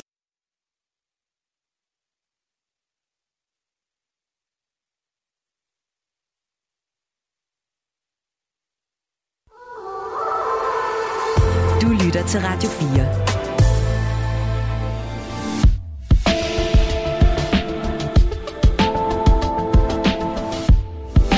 Velkommen til Hovedet og Halen. Din vært er Mette Vibe Utzon.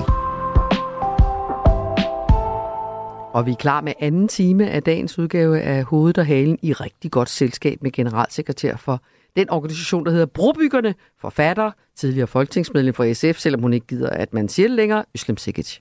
Ja. Du, du kommer slipper ikke af med det. Nej, Det, det er lidt ligesom Hans Engel. Han er politisk kommentator, men han er også tidligere konservativ minister. Ja, ja, og altså, men det jeg- klæber bare. Ja, jeg tænker, jeg, jeg har også lært enormt meget af at være i dansk politik, så det, er, det handler også om at tage det med i sin bagage, Ja, for det er en del af min heders, historie. øh, hedersmærke. Du er valgt- valgt ind i det fineste politiske, vi har, ikke også? Ja. Mm. Nå, men det skal vi ikke kun tale om. Det har vi også allerede vendt lidt. Øh, vi skal tale om SF øh, lidt senere. Vi skal tale om, at de gamle parti, som du sad i Folketinget for i en årrække, jo fejrer i dag sin formand, Pia Olsen Dyrs 10-års jubilæum Mm. som formand. Du er ikke inviteret, forstår jeg? Nej, men jeg havde heller ikke forventet det, Nej. faktisk. Okay. Altså, det er lidt ligesom efter en skilsmisse, hvis man blev inviteret med til juleaften, ikke? Det vil også være lidt underligt. Det er altså. der er nogen, der gør. Jeg holder da jul med mine børns far og min eksmand. Jamen, det er jo fantastisk, men Ja. det er jo Det er sjældent, ikke en selvfølge. skilsmisse er øh, så øh, altså, problemfrie, og jeg havde faktisk heller ikke forventet det, Okay. øh, fordi det var... Du skulle Mm. også være her hos mig, så det er fint nok alt sammen, for der er jo reception i de her timer på Christiansborg. Du kunne slet ikke, du ville være nødt til at sige nej tak Ja. til kanapéerne, eller hvad det nu Ja. er, de skal have. Men jeg, har, Men- men, jeg vil bare samtidig sige, at jeg har faktisk inviteret Pia Olsen, og jeg har inviteret nogle andre SF folketingsmedlemmer til nogle af de arrangementer, brobyggerne holder. Mm. Så det har jeg gjort. Altså fra min side er der ikke noget Nej. øh, Men I stemning. ikke som de allerbedste venner, dit gamle parti og dig. Det er jo vel også sandt at sige. Men, Det er fuldstændig sandt. at sige. ja. Men spørgsmålet er så i dag, hvor Pia Olsen Dyr så fejrer sit 10 års jubilæum, om SF er klar til at gå i regering. Det er jo det her spørgsmål, som øh, både har I, I lige præcis for SF, blandt andet, ikke også?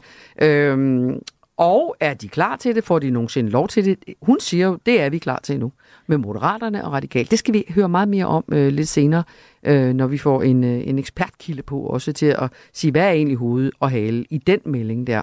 Vi skal også tale med forfatteren til en af tidens mest omtalte bøger, Samsam, Mit liv som bandekriminel, Syrienkriger og agent for Danmark hedder bogen. Hvad er det for en historie, vi ikke har hørt om manden, som forsøger at finde et nyt, et nyt liv, nu hvor han så har afsonet den dom, han mener er, er uretfærdig. Ikke? Det skal vi også finde ud af. Det Øh, glæder jeg Ja, mig det ved jeg nemlig, du gør. Ja. Vi får besøg af forfatteren, som har skrevet den her bog sammen med Samsam. Mm. Og så skal vi finde ud af, hvorfor man som ekspert i digital adfærd kan blive så træt af, hvordan folk opfører, på, opfører sig på det sociale medie X, at man faktisk siger farvel og tak. Hun er rigtig modig. Det skal vi også Det er sådan noget, jeg tænker tit over. at du vil gøre. Ja, fordi jeg bliver simpelthen dårlig humør af at være på X. Ja, men det taler vi med hende her, vores ja. gæst om. Terapeut om. ja. Men Øslem, inden vi øh, gør det, og inden vi snakker om alt andet, hvad er nyheden i dit liv i de her dage, hvis der er en? Jamen, nyheden er jo, alt går i slow motion. Ja. Øh, fordi jeg har fået et knæoperation. Øh, måske kunne den øh, altså, virkelig gode lytter jo høre lige før, at min... Et kæmpe brag, da der en af krykkerne skvattede ned. Ja. Øh, ja. Ja, og, øh, og jeg har fået et nyt korsbånd og et nyt menisk, eller, øh, så, så, så jeg kan ikke så meget, og alt går langsomt, og tålmodighed har aldrig været min stærkeste side. Så Nej. der er sådan et års genoptræning. Mm. Så det er det, der ligesom fylder for mig. Så det, Du jeg, sidder nu plantet på en stol, øh, fordi du ikke kan holde ud at stå op uden Ja, dine ja. krykker i så lang tid, Ja, som vi taler. Ja, det er det, ikke? Hvor Men- kommer den her skade fra? Ud med sproget, Øslem Sikkert. Den kommer fra Vilma Dans. Den kommer, fordi jeg under en, øh, en øh, danseprøve, øh, Thomas, øh, som har været min dansepartner, øh, mistede balancen og gav slip på mig. Og så drejede jeg sådan lidt ekstra gang. Altså og med så, vilje, eller hvad? Det, ja, altså, han, han, han, han sagde, at han havde mistet balancen. Øh, og, øh, og jeg stoppede bræt, og jeg kunne mærke det i mit knæ. Og, Au. Ja, jeg kunne mærke, der var et eller andet galt, og to uger efter he, altså, blev jeg ved med at danse med smertestillende, og, og så var den helt gal. Altså, så var korsbåndet, den forreste korsbånd helt øh, sprunget, og... Øh, Er det prisen for at være med i Vild med Dans i vore dage? Ja. Når man ikke er toptunet idrætsudøver. Altså, det er... Ja, åh, åh. Men jeg havde nok gjort det alligevel. Altså, hvis du havde spurgt mig, så havde jeg tænkt, okay, det er, det er langt, langt vigtigere, at en af de første muslimske kvinder er med, end at jeg ikke er med. Og... Der var mønsterbryderne igen jo. Ja, ja, og Mhm. derfor synes jeg, det var sjovt, men det er klart, et års genoptræning, det er noget, der trækker Det er en høj pris at betale. Ja. Og du vandt jo ikke. Ej, det synes jeg, jeg gjorde. Nå, Nå, altså, okay. jeg var jo den sande vinder. Altså, jeg var jo simpelthen seernes vinder, men Thomas vil nok sige, at så havde vi nok fået flere stemmer. Men der var 10 programmer, jeg øh, blev semifinalist, jeg blev nummer 4. Nå, tillykke med det. Var det sjovt? Ja, det var sjovt, men det var også hårdt. Altså, træninger 8-10 timer om dagen, altså det er jo ikke naturligt. Øhm, så, men det bedste var, at man kunne spise som en elefant, og det kunne ikke ses på ens krop. Og jeg elsker jo mad, så jeg, spi- jeg tænkte, det skal jeg udnytte, så jeg spiste simpelthen alt. Alt, hvad man kunne spise. Men det er jo fra den ene yderlighed til den anden, for nu sidder du så på din dertil indrettede røv og, og dyrker ikke noget motion om at lade være med at spise så meget, tænker jeg. Nå, jeg spiser stadigvæk. Nå, det er godt. Ja, ja, det er godt at høre. netliv. Der er ikke noget der. Nej. Mm. Du lytter til Radio 4. Mit navn er Ahmed Samsam. Jeg har siddet i 6,5 år fængslet for at være ISIS-medlem, hvor jeg rent faktisk havde et samarbejde med de danske efterretningstjenester for at forebygge terror i Danmark. Jeg har udkommet med min bog for at kunne fortælle min historie øh, ufiltreret og øh, helt præcis fra min synspunkt af og ud til jer. Ja, det er Samson, det er Ahmed Samsam, som nu er ude af fængslet efter de her seks år, øh, som han har siddet i fængsel. Over seks år, tror jeg det er, dømt for terror i Spanien. Rigtig mange mennesker, man kan næsten ikke undgå at have hørt om, øh, om ham og hans kamp for at få anerkendelse af, at, øh, at de danske myndigheder og loven for den sags skyld, øh, domstolene, at han har været agent øh, for flere danske efterretningstjenester, at de har brugt ham, og føler, han svigtede ham som dansk agent, uden at gribe, da de uden at gribe ind lod en spansk domstol dømme ham for terror. Den historie kender rigtig mange til. I går kom så en bog, som handler om meget mere end terrorsagen og hans kamp for, øh, for oprejsning, hvis man kan sige det. Og derfor kan vi nu sige velkommen til vores gæst her i Øslem, Jens Anton Bjørne. Er velkommen, Jens. Tak skal I have. Jens Anton. Jens. Jens Hansen. Jens Anton. Du er journalist på Berlingske, og nu også forfatter, og du har skrevet den her bog sammen med Ahmed Samsam. Øh, Samsam, mit liv som bandekriminel, syrenkriger og agent for Danmark hedder den. Og som sagt, det er jo ikke, fordi vi ikke har hørt noget hverken til eller om Samsam. Der er podcastserier, nogle af dem fremragende, synes jeg i øvrigt, dokumentarserier, adskillige avisartikler, siden øh, du i på Berlingske, øh, som de allerførste skrev om ham og sagen tilbage i 2020. Hvorfor skal vi også have en bog om ham? Jamen altså, det er, jo, det er jo helt rigtigt, at der er jo øh, skrevet så mange artikler om hans sag, og jeg er også enig i, at det er nogle, der er nogle rigtig... Øh, kan du trække mikrofonen lidt tættere på dig, Jens? ja, det kan jeg godt. Er, er, det, er det bedre? Ja, det er meget bedre. Tak. Godt. Og jeg er helt enig i, at, øh, at der, er der er lavet nogle, øh, eksempelvis nogle rigtig gode podcast, øh, en god podcast her om han sag også bare på DR, og, og, og skrevet alle de, her, alle de her artikler, nyhedsartikler om, om, hvad der skete i sagen. Mm. Øhm, jeg synes på et tidspunkt, eller jeg begyndte at tænke på et tidspunkt, at der var brug for at, øh, at, at samle sagen og fortælle sådan hele, ja, hele sagen samlet. Øhm, og så synes jeg også, at, øh, at der var brug for at, øh, eller der var et behov for at lade Ahmed Samsam selv fortælle øh, sin historie. Fordi nu er det er jo hans historie. Ja, det er. Og øh, mens vi alle sammen har skrevet artikler og alle de her ting øh, om hans sag, så har han jo siddet i fængsel, og Kriminalforsorgen har selvfølgelig tilladt øh, undervejs, at, øh, at han kunne give nogle interviews til, til mig og andre, øh, og, og, og deltage i den her diskussion om en sag, der var, men jeg synes, at jeg, jeg, synes, jeg synes, det ville være passende at, øh, at lade ham fortælle, øh, hvordan han selv har oplevet det her, og, og, og fortælle, hvem han er, og hvad han har lavet før, og hvordan det har været øh, under og efter alt det her. Har, har, I, har I så meget skrevet den sammen, så han har haft... Du har redigeret, eller du har haft redigeringsret. Han har haft en redigeringsret. Hvem, altså, du ved, jeg ved, hvor svært det er at skrive en bog. Jeg tænker, det er vildt svært at skrive en bog sammen med en anden. Jeg tænker, det er endnu vildere, mere svært at skrive en bog sammen med en mand, en anden, som er den, det hele handler om. I så kontroversiel en sag. Ja, ja jamen, øh, altså, øh, Ahmed Samsam og jeg har jo talt sammen i, i nogle år efterhånden på øh, jævnligt på, på telefon, fordi mm-hmm. jeg har været på hans ringeliste, i, øh, mens han har siddet i øh, fængsel i Danmark. Så vi, altså, efterhånden, så, så kender vi jo hinanden i en eller anden udstrækning, øh, og det har, det har været en, en, en stor hjælp i, i forhold til det der samarbejde. Ikke? Og så den anden ting er også, at altså, jeg har jo som journalist haft et ønske om at fortælle en, øh, at fortælle historien fuldstændig som den er, og, og ikke, øh, ikke udlade nogle ting, øh, som eksempelvis sætter ham i dårligt lys eller et eller andet. Ikke? Øh, og der, der, der viste sig jo ret hurtigt, at, øh, at øh, Ahmed havde den samme øh, øh, idé om, hvordan det her det skulle være. Ikke? Okay. Så I har ikke været op og slås undervejs? Nej, det har vi ikke. Mm. Men øh, altså, jeg vil bare lige også lige fortælle lidt om øh, den, der har skrevet bogen, Jens øh, Anton. Du er jo øh, en øh, meget dygtig øh, gravejournalist øh, fra Berlinske, øh, og øh, jeg har glædet mig til at læse den her bog, fordi du skriver også som min drøm. Altså, det bliver, det bliver simpelthen så spændende at læse, så jeg har, jeg har virkelig glædet mig til det, og da jeg så, det var dig, der havde skrevet den, så tænkte jeg, ej, det, det, bliver, det bliver så spændende også at tale med dig om, fordi du har jo været med i mange af de her graverhistorier, og har været tæt på de her kilder.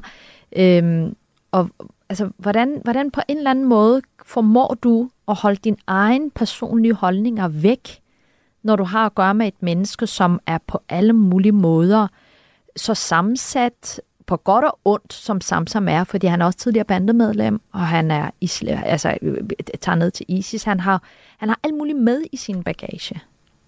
Øhm, ja, altså nu bliver jeg næsten helt forlejet, men øh, tusind tak. Det, var, det, var det kan jeg godt forstå, det var også meget pæne ord.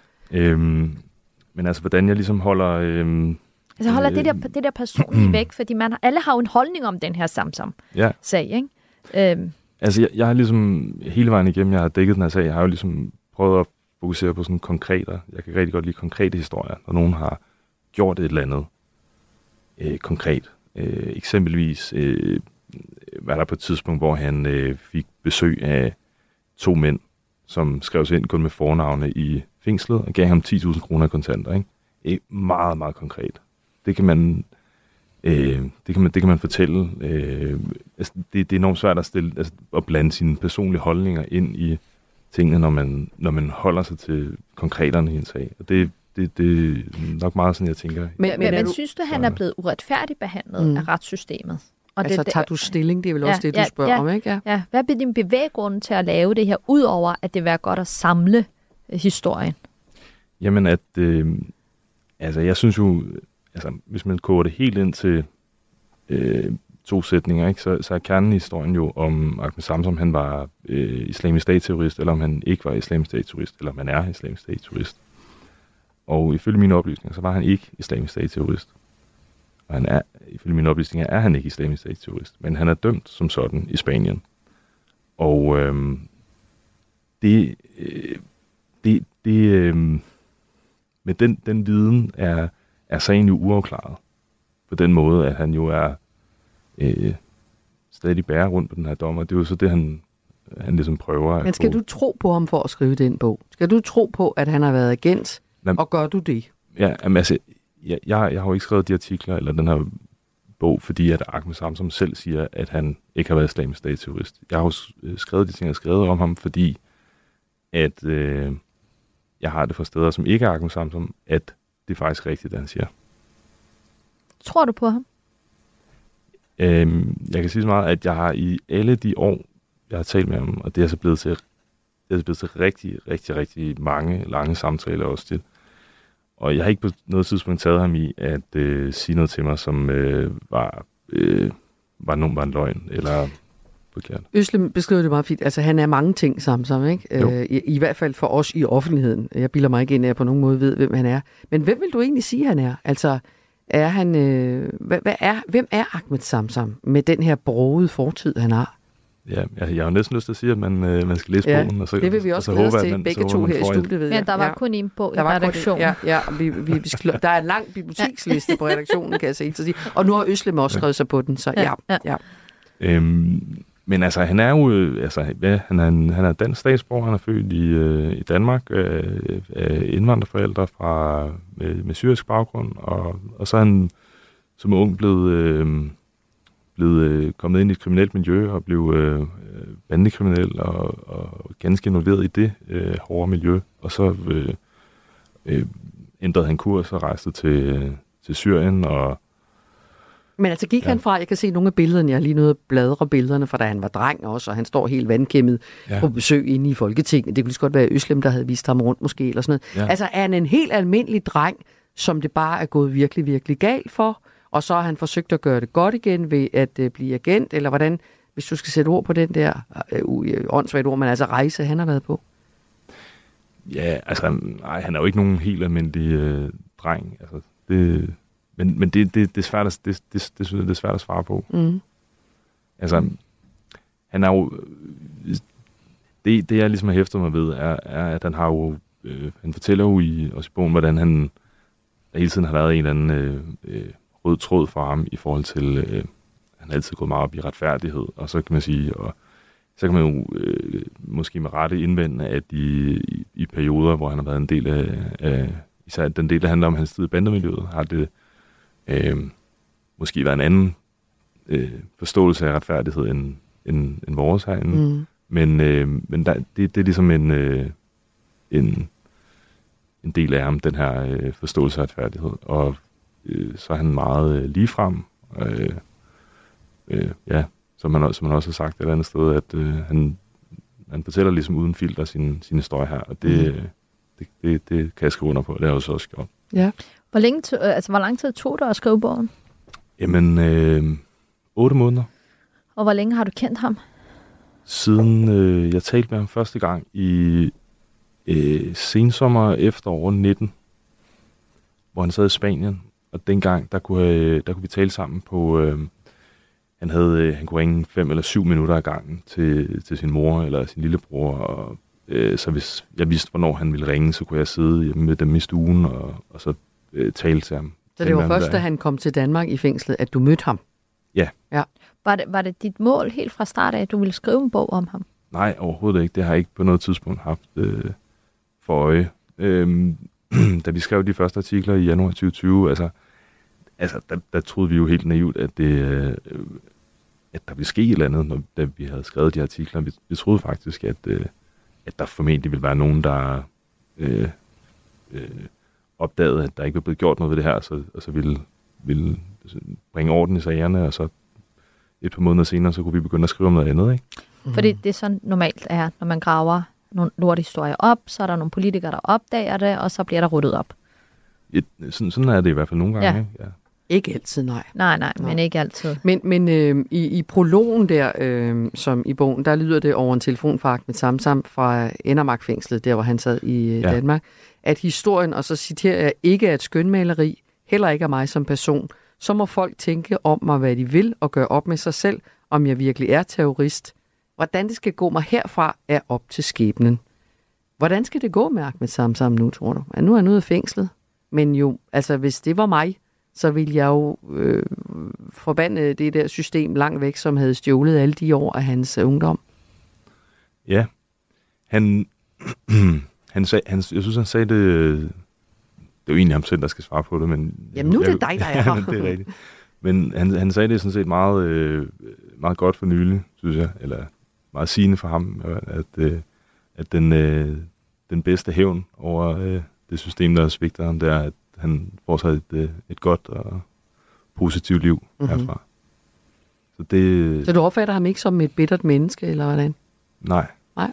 Hvad, hvad, hvad fortalte Ahmed dig gennem, øh, i, øh, Samsam gennem øh, alle de år, du har talt med ham, som, øh, som du ikke kunne lægge fra dig? Altså som på en eller anden måde, du tog det med, med hjem, øh, selvom det var et arbejde, hvor du tænkte, ej, det her, det var fandme for hårdt. Jamen, det er jo... Jeg, jeg tror især, det det her med... Øhm, den deler vi måske lidt, den her sådan fokus på en eller anden fornemmelse på retfærdighed. Øhm, og jeg, jeg har svært ved at lægge det fra mig, fordi at fordi det på en eller anden måde virker urimeligt, Mm. at, øhm, at betale seks år af sit liv øhm, for altså, øh, dømt som islamisk statterrorist, hvis man ikke har været islamisk statterrorist. Mm. Og det, det, den, den der afklaring af den her sag er jo ikke kommet, den er jo stadigvæk ikke kommet. Mm. øh, den afklaring, vi troede ligesom ville komme på et eller andet tidspunkt. Den er stadig ikke kommet, og så virkede det som... Øh, altså jeg er jo ikke øh, jurist, og hele det der, det kører jo i, mm. øh, i, i, ved domstolen, og den, han har sådan en civil sag mod tjenesterne, der skal på højesteret på den tidspunkt. Og en undersøgelse, ikke kommission vel, men en undersøgelse af hele sagen kommer vel også på Ja, en ja, ja, der er lagt- noget af sagen i Ja, der er lagt op til, at tilsynet ja. med efterretningstjenesterne skal, Præcis, skal lave ja. sådan en, ikke? når de Ja. lige får rettet lidt på lovgivningen omkring det tilsyn og sådan. Men, øh, men altså med den, her, med den her bog, han siger det jo også til sidst i, øh, i bogen, at øh, altså, uanset hvordan det går øh, med, med alle de andre ting, så, øh, så får han i hvert fald det sidste ord her. Ikke? Så, det, så får han lov til at, for, at, at være ham, der fortæller øh, historien sådan, som den er. Ikke? Uden filter. Ja, og det, og det, det, det synes jeg egentlig, øh, ja, det, det besluttede mig for, at jeg gerne vil hjælpe ham. Hvad tror du, hans chancer er for at kunne komme videre med en så, øh, ja, hvad skal jeg sige, forfærdelig CV, som han har med sig? Ja, ja det, det, det er et godt spørgsmål. Det, Har han sagt ja til, at han var ude og holde foredrag, ligesom alle andre tidligere kriminelle, der pludselig får et foredragsvirksomhed op at køre og bliver eksperter på stort og småt? ja, ja, måske. Altså, der er jo, at man må bare, man må bare sådan helt nøgternt kon- konstatere, at der er øh, ganske få muligheder for personer, der, der har et terrorstempel, ikke? Ja. Øhm, Kommer du til at følge ham fremover? Fordi jeg ved jo, at du er blevet på avisen på Berlingske. Der skal du nu beskæftige dig, men nu er du ligesom lidt inhabil, Ja. fordi du har skrevet den her bog sammen med Ahmed Samson. Det er formentlig i hvert fald set med journalistøjne en klog beslutning, både for dig og for avisen, kan man sige. ja, det er, jo, det er jo fordi, det, det, er fordi, det dur jo ikke, hvis nu, at jeg skrev en artikel i morgen om, om Mark med Samsung sag. Det dur jo ikke, at der så sidder en læser og tænker, Det er fordi, han skal tjene nogle penge på bogen. Eller, Ja, eller, ja. eller tænker, øh, uh, han har også det her samarbejde med ham Ja. ja. sammen i den her bog. Er der noget, han har udladt eller et eller andet? Det, det dur, alene det, at en læser kan sidde og stille sig selv det spørgsmål, er, er, jo, er jo nok til, at det ikke dur. Ikke? Ja, men samtidig er det også lidt ærgerligt, fordi du nok forhåbentlig er den på redaktionen, der ved allermest om den her sag. Ja, ja, det, det, det, tror jeg, det tror jeg sådan set er rigtigt. Øh, men De må komme og spørge dig til råds. ej, jeg er ude af den. Når man er ude af den, så er man ude af den. Okay. Ja. Men øh, ja. Men, men, øh, men prøv at høre, tillykke til jer begge to med bogen. Tak. tak Jens. Anton Bjørne er journalist på Berlingske, og tak skal du have, fordi du kom. Jamen øh, selv tak. Tak for invitationen. Mm. Ja, tak. Som Og, altså har skrevet bogen øh, Samsam mit liv som bandekriminel, syrienkriger og agent for Danmark. Har du nogle flere eksemplarer med, så vi ikke behøver at slås om dem? Ved du, jeg har et, øh, jeg synes næsten, øh, Øslem, Ja, det skal nu okay, Øslem. Ej, det er så stort. Ej, Har det skrevet det, i den? det der fedterøvs noget Ej, i starten. hold nu op. Jo, jo, jo, jo. Prøv at høre, jeg har faktisk, jeg kender øh, Jens Antons arbejde fra mit øh, folketingstid, og han er en af de her graverjournalister, som man vidste, når han kastede sig over noget, så var der sikkert noget om det. Altså, og det, og, Wow, og, det er og, nogle- og, ja, og, ja. og det Okay, vil jeg du bare sige, bogen. Ja, jeg synes, jeg synes også, man må anerkende øh, de mennesker, der gør et kæmpe stykke øh, ordentligt fagligt arbejde. Jeg ved godt, i Danmark, når man roser folk, så er det første, at folk siger, hvad skal du så have? Ja, og nu får du en bog for Ja, det. nu får jeg faktisk en bog for det. Det er jeg meget glad for. Men under alle omstændigheder, tak skal du have, fordi du kom. Du lytter til Hovedet af Halen på Radio 4. Ja, jeg kan så fortælle, at nu sidder Jens Anton og skriver autograf øh, til Øslem, og nu får hun overragt bogen. Det er det historiske øjeblik, og tak, jeg får min kuglepen tilbage. Og sådan fik du dig. Øh, nu skal du hjem og læse, Øslem. Ej, det skal jeg. Det er meget spændende historie. Øh, der er mange måder at lære folk Men at også en kende på. tragisk historie. Ja, det er. Altså på, på alle alle- måder ja, på tragisk. alle ja, måder, På alle ikke? måder tragisk, Ja. ja. øh, vi googler dig lige lidt mere. Øh, Jeg har fundet bare andre overskrifter om dig, vi lige skal have ind øh, for at tale om noget, der er knap så alvorligt, måske. Øh, der er en her, øh, jo, den er faktisk ret alvorlig. Jeg tror, vi hopper ned til nummer to. Bedstemorens besked husker Øslem Sekic stadig. En kvinde må ikke være afhængig af nogen, især ikke mænd. Ja, arbejde alt, hvad du kan, sagde hun. Og det har jeg så gjort faktisk siden. Det var Ja. under min skilsmisse. Hun kom med det råd. Øh, Fra og, din forrige mand. Fra min forrige mand, og øh, min hus var, eller rækkehus var inde på tvangsaktion, og jeg stod med gæld til, op til halsen. Men jeg arbejdede faktisk i to øh, sådan fuldtidsjobs nærmest. Jeg sov nærmest, næsten ikke i de tre måneder, og kørte dankortet igennem øh, for at købe mit hus op fra tvangsaktionen, og sagde på beløbet, og så tænkte jeg, tak mormor. Og jeg Nå. spurgte faktisk ikke nogen, ser mænd om hjælp øh, i den periode, og klarede den selv. Og det, synes, det har sådan ligesom altid fulgt mig, det der med at tjene mine egne penge, og hun sagde altid, at man skal altid som kvinde sørge for, at man har nogle penge under sin hovedpude. Det er egentlig sjovt, hun siger det, fordi alle fordomme om den generation af muslimske kvinder, som i Ja, ja, ja. Tyrkiet vil jo være, at du skal blive gift, så en mand kan forsørge dig. Det er, det er en fordom, men det er vel sådan set også rigtigt nok, eller hvad? Jamen, min mormor var jo, øh, var jo på den måde en ægte feminist, men hun vidste jo ikke, hvad ordet betød. Nej, nej, altså, hun var nej. jo analfabet, man var stået tilbage med alle sine børn og plejebørn, fordi manden, min bedstefar, er i fængsel, fordi han er kautioneret for en række bønder, der ikke har betalt. Så hun sender, altså, står tilbage med jord, hun ikke må dyrke, fordi hun er en kvinde. Hun må ikke køre med sin hestevogn, for det gør kvinder ikke. Og havde brudt alle de mønstre. Øh, men jeg synes nogle gange også, at der en fortælling fra Vesten om de her altså minoritetskvinder, som om de alle sammen er nogle ofre. Mm. Altså, de kæmper jo brav af kamp hver eneste dag. Øh, Så jeg køber slet ikke det der med, at nu skal den hvide mand komme og befri den her brune kvinde. Hvad med de hvide kvinder så? Fordi det diskuterer man jo også meget, ikke? Om de hvide kvinder har glemt de brune kvinders frigørelses og... Men det, og men, men, det, men det synes jeg også er en meget falsk øh, modsætning. Mm-hmm. Fordi dem, der er frivillige på krisecentrene, som tager imod Aisha, er jo også en etnisk dansk kvinde. Altså, man, jeg forstår ikke, hvorfor det skal være en kamp imellem kvinder, eller øh, jeg synes mere, at vi i fællesskab skal øh, gøre, hvad vi kan for, at der er langt flere øh, mormor som, øh, som rollemodeller, som min mor, Mhm. mm-hmm. min mormor. Så hun, øh, hun var altså et helt, helt fantastisk menneske, men Mhm. mm. som aldrig oplevede, hun nåede ikke at opleve, hun døde simpelthen uden for aftale, langt tidligere, end jeg havde regnet med, at hun ville dø, og hun oplevede aldrig, at jeg blev gift anden gang lykkeligt. Hun havde elsket David, hvis Ja, hun havde sygt. ja. Vi tager lige en overskrift mere. Øhm, Øslem Sækkets om tabt vedmål. Det bliver en dyr omgang. Ah, det er et vedmål om vild med dans. Ja, jeg har tabt shawarma.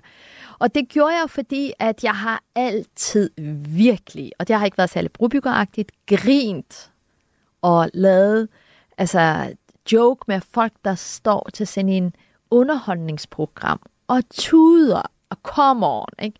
Altså Christian Jensen, der medvirkede, som var tidligere øh, næstformand i, der, i øh, Venstre, som græd efter han havde, altså var blevet stemt ud. Jeg mødte Christian Jensen og sagde, Christian, altså, du bliver aldrig statsminister, hvis du står og tuder til Vild med Dans. Og så skete der jo så det. Jeg startede Vild med Dans. Alle lavede joke med, at jeg kommer til at tude, og jeg sagde, jeg giver shawarma, hvis jeg tuder, for det kommer ikke til at ske.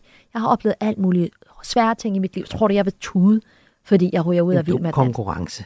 Ja, og så skete der jo det, at der var en af programmerne, hvor, øh, hvor jeg skulle danse en dans for min mand. Øh, den der I Love You Baby-sangen.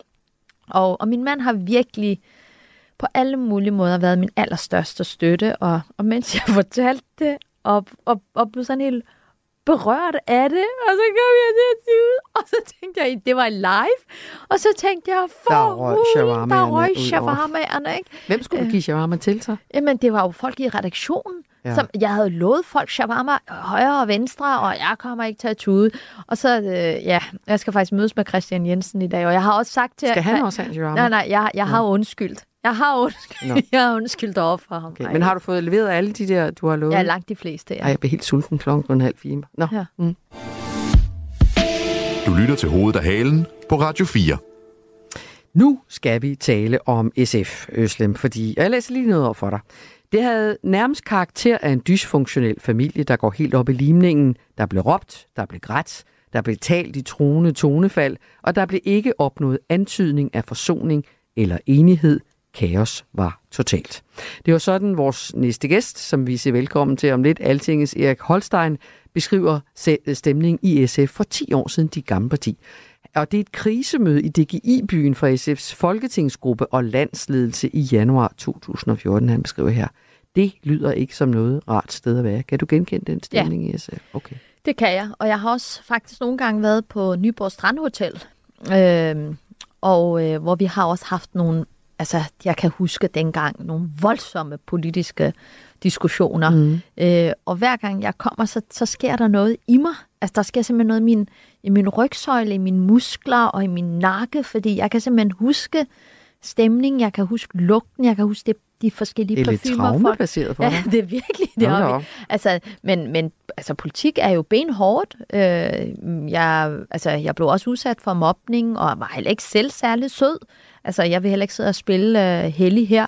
Øh, kampen om magten er altid ekstremt brutal. Er den mere, var den mere brutal i SF dengang end, end i andre partier? Nej, Nå. det tror jeg slet okay. ikke. Jeg tror, det er gældende alle steder. Altså bare se Venstre, øh, som øh, Jakob øh, Ellemann i en joke sagde, som er blevet forenet Venstre, øh, fordi det består af tre partier, ikke? Moderaterne og Inger Støjbergs øh, Danmarksdemokraterne. Øh, altså, det var jo også enormt blodigt. Mm. Og sådan er det tit, når der er magt. Jeg synes, problemet er også, at det bliver meget personligt, øh, i stedet for at holde det på den uenighed, der er. Mm. Og plus at så journalisterne, de elsker, de det gør elsker vi. Det, gør de vi. det kan vi godt lide. Og nu skal vi intriger. også ja. tale om, øh, om ikke en trier, så i hvert fald øh, partileder Olsen Dyrs øh, 10 års jubilæum som leder af SF. Der er reception for hende øh, nærmest øh, i de her timer. Og så også fordi hun i sidste uge meddelte, at SF nu er klar til, at, til mere magt, kan man sige, til at gå i regering med både radikale og moderaterne. Og en af receptionistgæsterne, havde nær sagt, receptionsgæsten, det er dig, Erik Holstein. Det er det nemlig. Var der, var der gode øh, pindemad og politisk kommentator fra Altinget? Du kommer lige derfra, Erik.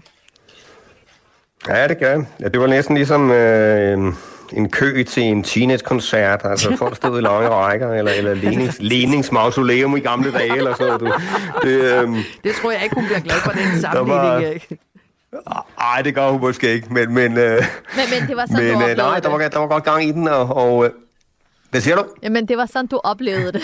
Men det var sådan, jeg oplevede det, ja.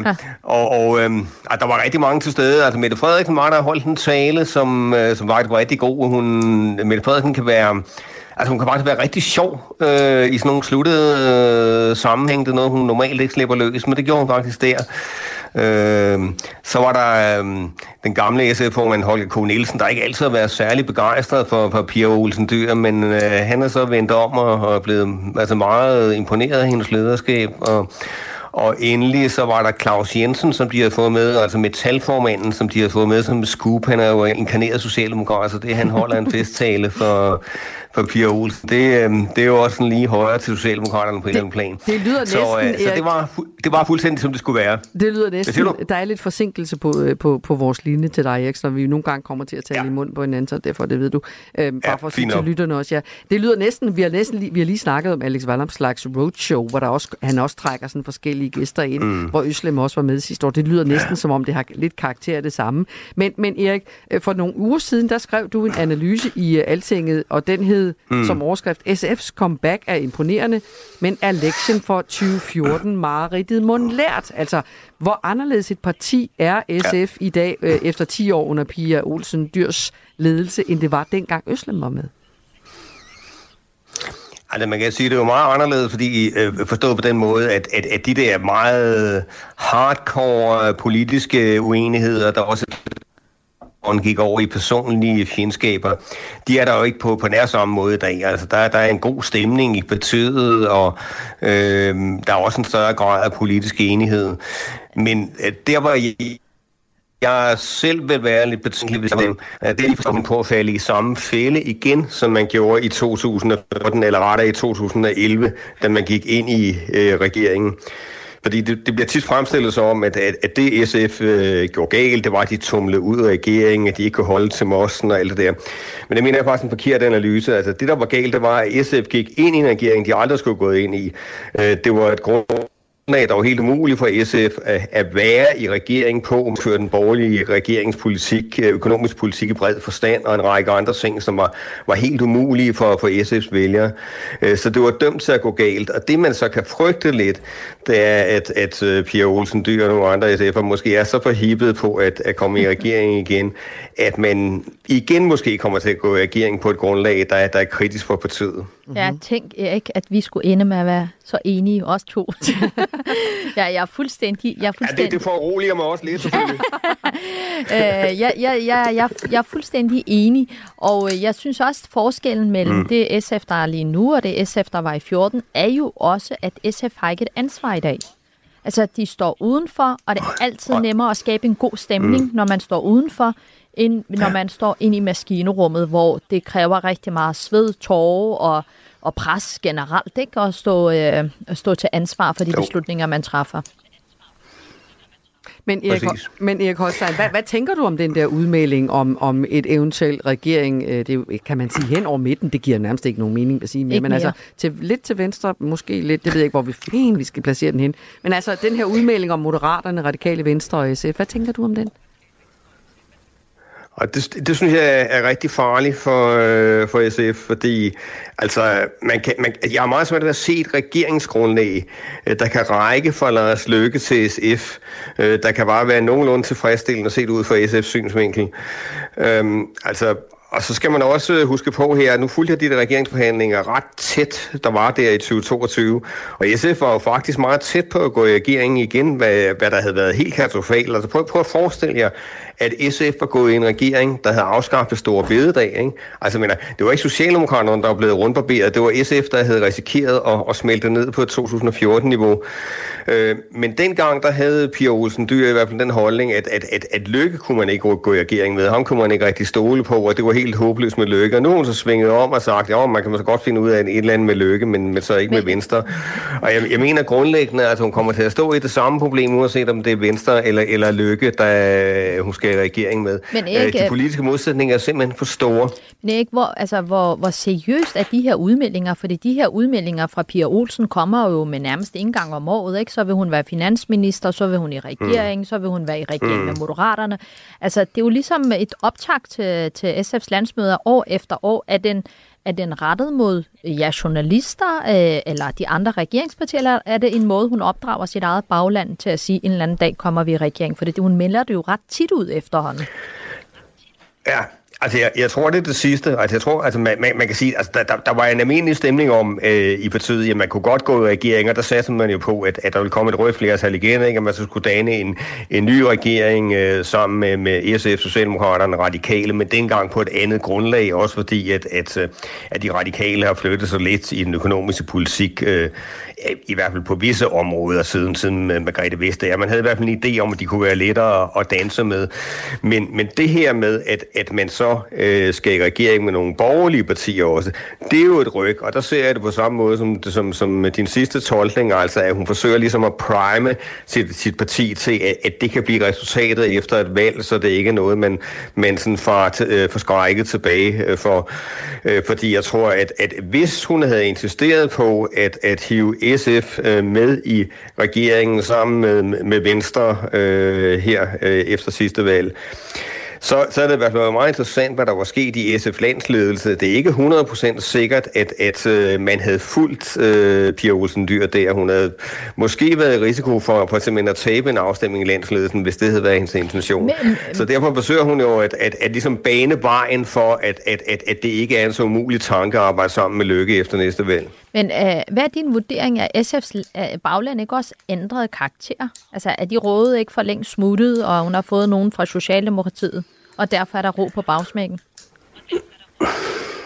Nej, altså... Øh, og det var et godt altså, spørgsmål, var det- det? det er Det, er. Goldstein siger, Jamen, det er, det er et godt spørgsmål. Det har du ret i. Men, men nej, men altså, man kan, man kan sige, bare, bare at baglyden er jo ændret på noget. Altså, et af de områder, hvor vi, hvor vi nok har en forskellig vurdering øh, i forhold til udlændingepolitikken og sådan noget, der, der er SF's bagland jo, jo ændret. Ikke? Der står de Ja. på en mere hardcore linje, end, end de gjorde for 10 år siden. Men hvis vi så har den økonomiske politik, øh, der tror jeg altså, at, at hun jo får lige så svært ved at få sit parti med, øh, for eksempel på noget i stil med det, den nuværende regering laver, som, som, mm. som det var for, for, for Willy og siden øh, Annette Wilhelmsen, at, at, at få, få, få SF med på den politik, der var under Vestager og Torning. Mm. Øh, så, så der er stadigvæk sådan meget store faresignaler, dels i forhold til SF's øh, eget bagland, men jo også i høj grad i forhold til, til SF's vælgerbase. Ikke? Det, er jo en, det er jo en solid vælgerbase, de har fået nu. Øh, og, og grunden til, at der er så mange, der hopper over til dem, det er jo netop fordi, de er utilfredse med den der midterpolitik, mm. øh, som Mette Frederiksen fører, hvor de slet ikke kan se øh, øh, det klassiske socialdemokrati mere. Så hvis SF også begynder at, at føre den form for politik, så forsvinder alle de vælgere jo videre til enhedslisten. Det er jo sådan ret logisk. Men, men må jeg spørge jer begge to, som har mere forstand på politikken, end jeg har. De ligger jo på 14-15 procent i meningsmålingerne SF lige nu. Det er vel ret godt, ikke? Og det er også lidt unaturligt godt. Mm. Nå, nå, nå, nå, nå. Er det, er det ikke Nå. det, Erik? Altså, er det ikke, er det ikke fordi Socialdemokrater Jo, jo, den er ret i. klarer det så dårligt, og det er Det derfor, det, jeg at spørge om. SF ligger så flot, ikke? Netop. Altså, hvor stor, hvor stor en del af det her med at tiltrække vælgere handler om at tilbyde et alternativ til noget, som vælgerne er utilfredse med. Altså, for eksempel Socialdemokratiet i SF. Mm. Ja. Jamen, det, det, det er jo rigtigt, det er jo fuldstændig ret i. Altså, det er jo, altså hvis, hvis Socialdemokratiet havde ført en, en mere normal politik, eller ført en politik, som de gjorde under Mette Frederiksen første periode, så er SF jo aldrig nået de, de højder. Altså, vi har lige øh, lavet nogle analyser af, af vælgervandringer i dag, der kan man jo se, at, at stort set alle de øh, nye vælgere, som SF har fået, jamen, det er så Socialdemokrater, der, der flygter væk fra det, der foregår i øjeblikket. Øh, så Hvor, det øjeblik, hvor, lojale, hvor, lojale, at, at. Hvor lojale er de vælgere? Ja, nej, det er rigtigt.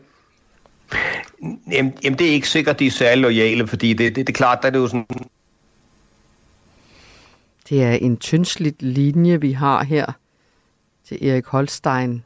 Den har, skal vi lige se, om han vender tilbage. Det sker nogle gange det. Ellers noget, som jeg mere har været plaget af, når jeg har arbejdet i Danmark. Radio. Erik, er du med os igen? Ja, ja. Dejligt. Du var ved at sige... Øh, røg jeg ud? Ja, du gjorde nemlig så. Det må Nå, du undskylde. Hvis du kan bakke baglæns tre sætninger, og det kan du godt, fordi du er så super gavet. Ja. Ja, det er jo smukt sagt, men... Men, men, øh, men, men nej, altså, det, det er klart, i det øjeblik, Mette Frederiksen øh, igen begynder at føre en politik, som hun gjorde i sin sidste regeringsperiode, så vil rigtig mange af de vælgere, som SF har fået på Socialdemokraterne, de vil selvfølgelig vende tilbage igen. Ja. Erik Holstein, tusind tak, fordi du ville øh, gå fra pindemaderne. Øh, må jeg lige spørge, hvad, hvad serverer man, når det er SF's øh, partileder? Er det øh, kanapéer, eller er det rødpølser, eller hvad? Ja, det var nogle kanapéer. De, de, de, nej, det var ikke røde pølser, det er Nå. rigtigt. Der, det, der var kanapéer. De, de smagte nu ikke særlig godt, men, øh, men hvidvinen var fortræffelig. Og, og den dag, de går i regeringen med moderaterne, så er det sushi, de serverer.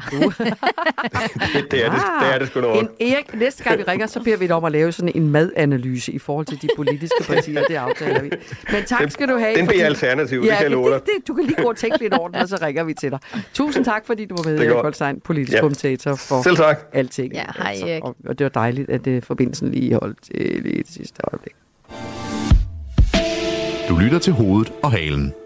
Nu skal vi til endnu et dyk ned i, øh, i nyhedsstrømmen til en historie, som du har glædet dig til. Endnu en, du har glædet dig til, Øslem. Ja. Den handler om, at en af de sociale mediers helt store krigere har forladt slagmarken. nu står hun her og griner. Hun gider simpelthen ikke mere. Hun skriver på det, der hed Twitter engang nu X. Tak for nu, Twitter. Jeg har været her siden 2011 og mødt mange fantastiske mennesker, så tak for alle grinene, skænderierne og generøsiteten med jeres viden og tid. Men her er simpelthen blevet for giftigt, og jeg mistrede og jeg mister troen på menneskeheden af at være herinde. Håber at se dem af jer, som ikke er nogle psykotiske, krigsliderlige edgelords på andre platformer osv. osv..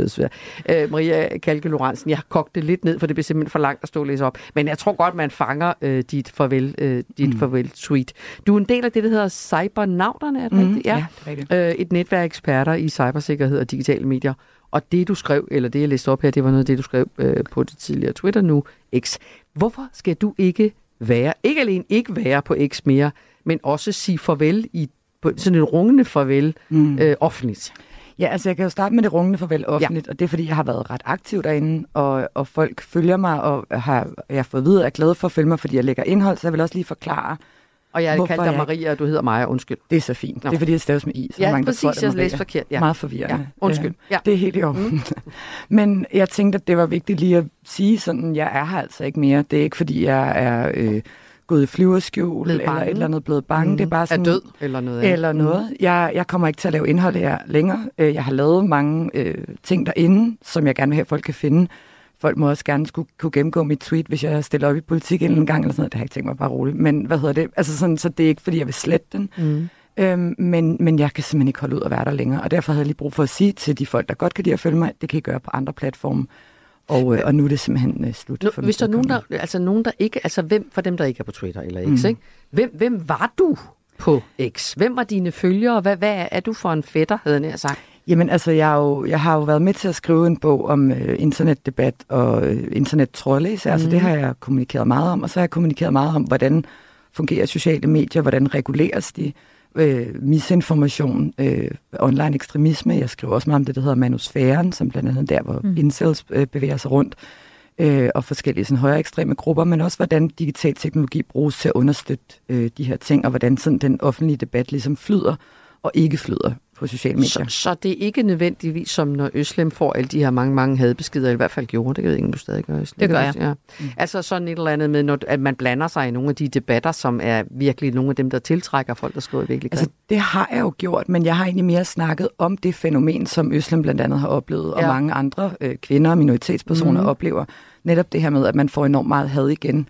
Det er noget, som jeg har skrevet meget om. Jeg har også hjulpet mange mennesker, der bliver udsat for digital chikane og havde kampagner med, hvordan de kan beskytte sig selv og passe på sig selv. Okay, så det er godt at vide, at man kan ringe til dig, hvis man er på spanden. Så kan man finde mig på nogle af de andre sociale medier. Ja. Så det er også sådan noget, som, øh, som jeg har skrevet om, og ligesom analyseret, hvad er det, der, der foregår. Men, men synes du ikke også samtidig, det er sådan lidt paradoxalt, at du melder dig ud, fordi du siger, det er så forfærdeligt derinde, og den Mm. måde, du melder dig ud, bekræfter du lidt. Altså vil jeg sige, det er farvel til alle jer psykotiske. Det er sådan Mm. alligevel ret voldsomt øh, ordforbrug, ikke? Jo, men det er fordi, jeg oplever faktisk ikke så meget af de der anonyme trolde. Altså, der er også folk, der har skrevet mig lidt grimt til mig gennem tiderne. Jeg får også mærkelige mails nogle gange. Du har og også fået noget. på stykker, da du sagde farvel. Det Ja. kan jeg læse op bag. Ja. ja. det behøves ikke. Nej. Altså, det, jeg har det fint med... Det er jo mere til lytterne, tænkte jeg på. Ja, ja, Det, det kan vi godt. Øhm, Mhm. og, og folk må også gerne være uenige og være op og skændes, men jeg synes, øh, på det seneste har der især været nogle mennesker, som ellers sådan skulle forestille at være respektable personer, som jeg synes skriver nogle ting derinde, som, som simpelthen gør mig øh, deprimeret. Okay. Hvem er det, hvis du vil, Ej, ikke, det du kan vil jeg godt navne, genkende. men, men, men Ja, kan du godt genkende, hvad jeg mener? Jamen, prøv, jeg, jeg sad simpelthen en weekend, og jeg kunne simpelthen, jeg havde svært ved at sove, jeg fik sådan lidt hjertebanken, jeg mm. synes ikke rigtigt, jeg var lykkelig længere. Jeg blev sådan helt depressiv, uden Mm. at man skal tale hele depressionsdiagnosen ned, men det er bare det der med, at du er derinde, og den ene af trollene, det kunne jeg rigtig godt tænke mig mm. at spørge dig om, hvordan, hvordan opdager vi, at folk er trold? Det Mm. mm. andet er en Tom Jensen, som Mhm. er chefredaktør i Berlinske, angående organdonation, skriver, nu vil staten øh, høste dine organer. Altså, det er et voldsomt, altså, det er et voldsomt måde at, at tale om Altså, et du etisk selve emne. sprogbrugen? Ja, Mhm. sprogbrugen, og så, altså, så har du øh, en Rasmus Jarlov, øh, som, øh, som, man, altså, som startede, som er sygemeldt, mm. men, øh, men rest nok til at starte en heksejagt på mm. de børn i Borup-skolen, som øh, havde lavet grænseoverskridende øh, seksuelle handlinger, og kaldte dem for voldtægtsforbrydere, og efterlyste etniciteten som moren gik ud, fordi at hun var, hun var simpelthen... øh, øh, var blevet, de var blevet genkendt mm. øh, på, på den her øh, lokalsamfund. Altså et folketingsmedlem. Der, er jo, der sker jo nogle ting derinde, hvor man tænker, den ene er trold, den anden er også alle de andre mennesker, Nu skal der jeg lige bidrager. sige disclaimer. Jeg har jo ikke, vi har jo ikke fået deres kommentar til det her nu. Nej, så, nej. Det er rigtigt. Nej, så men, det men Rasmus ja. stiller heller ikke i øvrigt op Nej, til okay, men debatter, det er heller er ikke som. Jensen. Jamen, jeg vil sige, det, det er Ja. meget, og jeg, og jeg behøver ikke engang nævne nogle navne. Jeg har sendt nogle eksempler, men det er meget det samme. Det her Ja. med, jeg har, altså, jeg har en, en professionel interesse i folk, der svarer mig med trolley kommentarer. Det kan jeg sådan set enten skjule af det, og nogle gange engagere mig lidt af, eller ignorere det. Men jeg synes især, det er folk, der har en stor platform, som er seriøse debattører, politikere, mediechefer, som jeg synes skriver nogle stigende, øh, ret skræmmende ting. Mm-hmm. Og det er derfor, jeg sådan bruger et så hæftigt ord som psykotisk, fordi jeg synes især siden 7. oktober, er, er det som om, at der er sådan sket en eller anden øh, radikalisering derinde i, hvad folk spreder af misinformation, hvad de skriver, hvordan de fejrer krig, øh, og, og, og sådan mangler deres øh, medfølelse og medmenneskelighed, mistænkeliggør folk. Øh, og det gælder alle mulige emner. Det er som om, det er sådan, at det er sådan stukket af derinde på mm. en eller anden måde. På, og og, og det, der kunne jeg bare mærke, hvis jeg bruger rigtig mange kræfter på det, så får jeg det lidt ligesom dig, sådan, er det, er det virkelig der, man skal bruge mine kræfter? Jeg vil egentlig helst bruge mine kræfter på research og formidle det, som jeg ved noget om. Og det, og det endte bare med, at det var sådan handlingslammende at være derinde, fordi jeg blev så chokeret over folk, der skulle forestille at være seriøse mennesker, øh, bidrag til de her ting. Vi taler meget om polarisering i samfundet og had og splittelse, og jeg kan bare se, at der sidder altså i stigende grad nogle mennesker, som har en ret stor platform og bidrager til det her. Det synes jeg Men- er trist at se på. Men, men Maja, er problemet ikke også, at hvis nogle mennesker som dig, som har en moderat stemme og gerne vil nuancere, kender til fakta og vil rigtig gerne diskutere også fakta. Det er jo ikke, fordi du ikke vil diskutere, du ikke Mm. vil være uenig. Hvis, hvis, hvis du trækker dig, og mange som dig trækker dig, så er der jo kun dem, der er tilbage, der råber. Ja, og så kan man så sige, at Twitter har jo haft en uproportionelt stor indflydelse på dansk politik, fordi alle journalister er derinde, og efterhånden er alle politikere også derinde. Men majoriteten af danskerne er jo ikke der. Ja. Og jeg tror i virkeligheden, at man kan bidrage meget mere til en, øh, en savlig sådan, formidling og diskussion nogle steder, hvor, hvor der ikke er den Mm. der måde at gå til det på. Øh, og det handler jo også om, kan man, kan man selv finde kræfterne til at bidrage, hvis hver gang man åbner, så, så får man bare lyst til at Men må jeg spørge jer begge to? Øh, nu, nu er der for eksempel, jeg synes lige, vi tager den med, fordi det er faktisk et meget godt eksempel på det. Nu er der en af lytterne, som ikke skriver, hvad vedkommende hedder. Som skriver, skal Øslem have lov at sidde der og række ned på politikere, der ikke er til stede? Styr dog den skrige skinke. Hmm. Det er der en af vores lyttere, der har skrevet. Hmm. Og jeg bliver altid lidt rystet, når jeg, øh, men jeg er heller ikke vant til sådan, så mange øh, lyttere, der skriver. Øh, nogle gange skriver de noget virkelig klogt og sødt og venligt. Men det sidder de for eksempel, der skriver nu. Ja, men... Og, og Hvordan der, påvirker det dig? Jamen, det påvirker mig ikke engang, fordi det her, det er jo, den, det er jo virkelig den lette ende. Mm, Mm, altså ja, ja. normalt, øh, altså selv det der med at blive kaldt islamist og nogle gange terrorist, Ja. tænker jeg, nå ja, det var bare det. Altså selvom det, og det er jo Men, fordi, der sker jo også noget i, debatten rykker også noget i mig, hvor noget af det, der er ekstremt, begynder at blive mere normalt. Det normalt, Men ja. lige præcis i det her tilfælde, man kan faktisk gå på X. Øh, øh, Tom Jensen har været meget, har haft virkelig et meget voldsomt øh, måde at polarisere i forhold til organdonation, fordi regeringen har øh, vil gerne have, at Ja, det skal være men- automatisk. Og den anden er jo også, altså Rasmus Jarlovs er også helt kendt. Det er Men- ikke for at række ned på den. Nej, men omvendt vil jeg sige, kan I sige jer fuldstændig fri for selv at være en del af det der? Altså selv at bidrage, det er der også en, der skriver her til dig mm. efterfølgende. Ikke? Du har selv været, du har selv bidraget til en polariseret er det Brian diskussion. Øh, nej, ja, det han gør det også, ja. Øh, Komikeren Brian Mørk, han gør det også, ja, det er rigtigt, ja. Og, og, og man kan sige, øh, Øslem, du går også til stålet en gang imellem. Så er vi i virkeligheden, har vi alle sammen et ansvar? Det vil jeg eller? gerne svare ja. på. Vi har alle sammen et ansvar, ja. Ja. og jeg har faktisk overhovedet heller ikke noget mod at gå til stålet. Og det Nej. har jeg også altid sagt. Jeg har skrevet en bog om internet trolls. Jeg kan sagtens finde ud af at trolle folk selv. Mm. Jeg synes, det der er forskellen, det er det her med, hvad er det, man siger? Lægger man en befolkningsgruppe for had? Deler man ting, der simpelthen er misinformation og ikke passer? For eksempel så ser jeg seriøse mennesker kaste tvivl om sådan store nødhjælpsorganisationer. Er de i virkeligheden i ledtog med terrorister? Sådan nogle ting, som ikke er dokumenteret, som man bare ligesom slynger ud hvor jeg synes, der er sket et skred i forhold til, at man må gerne have skarpe holdninger.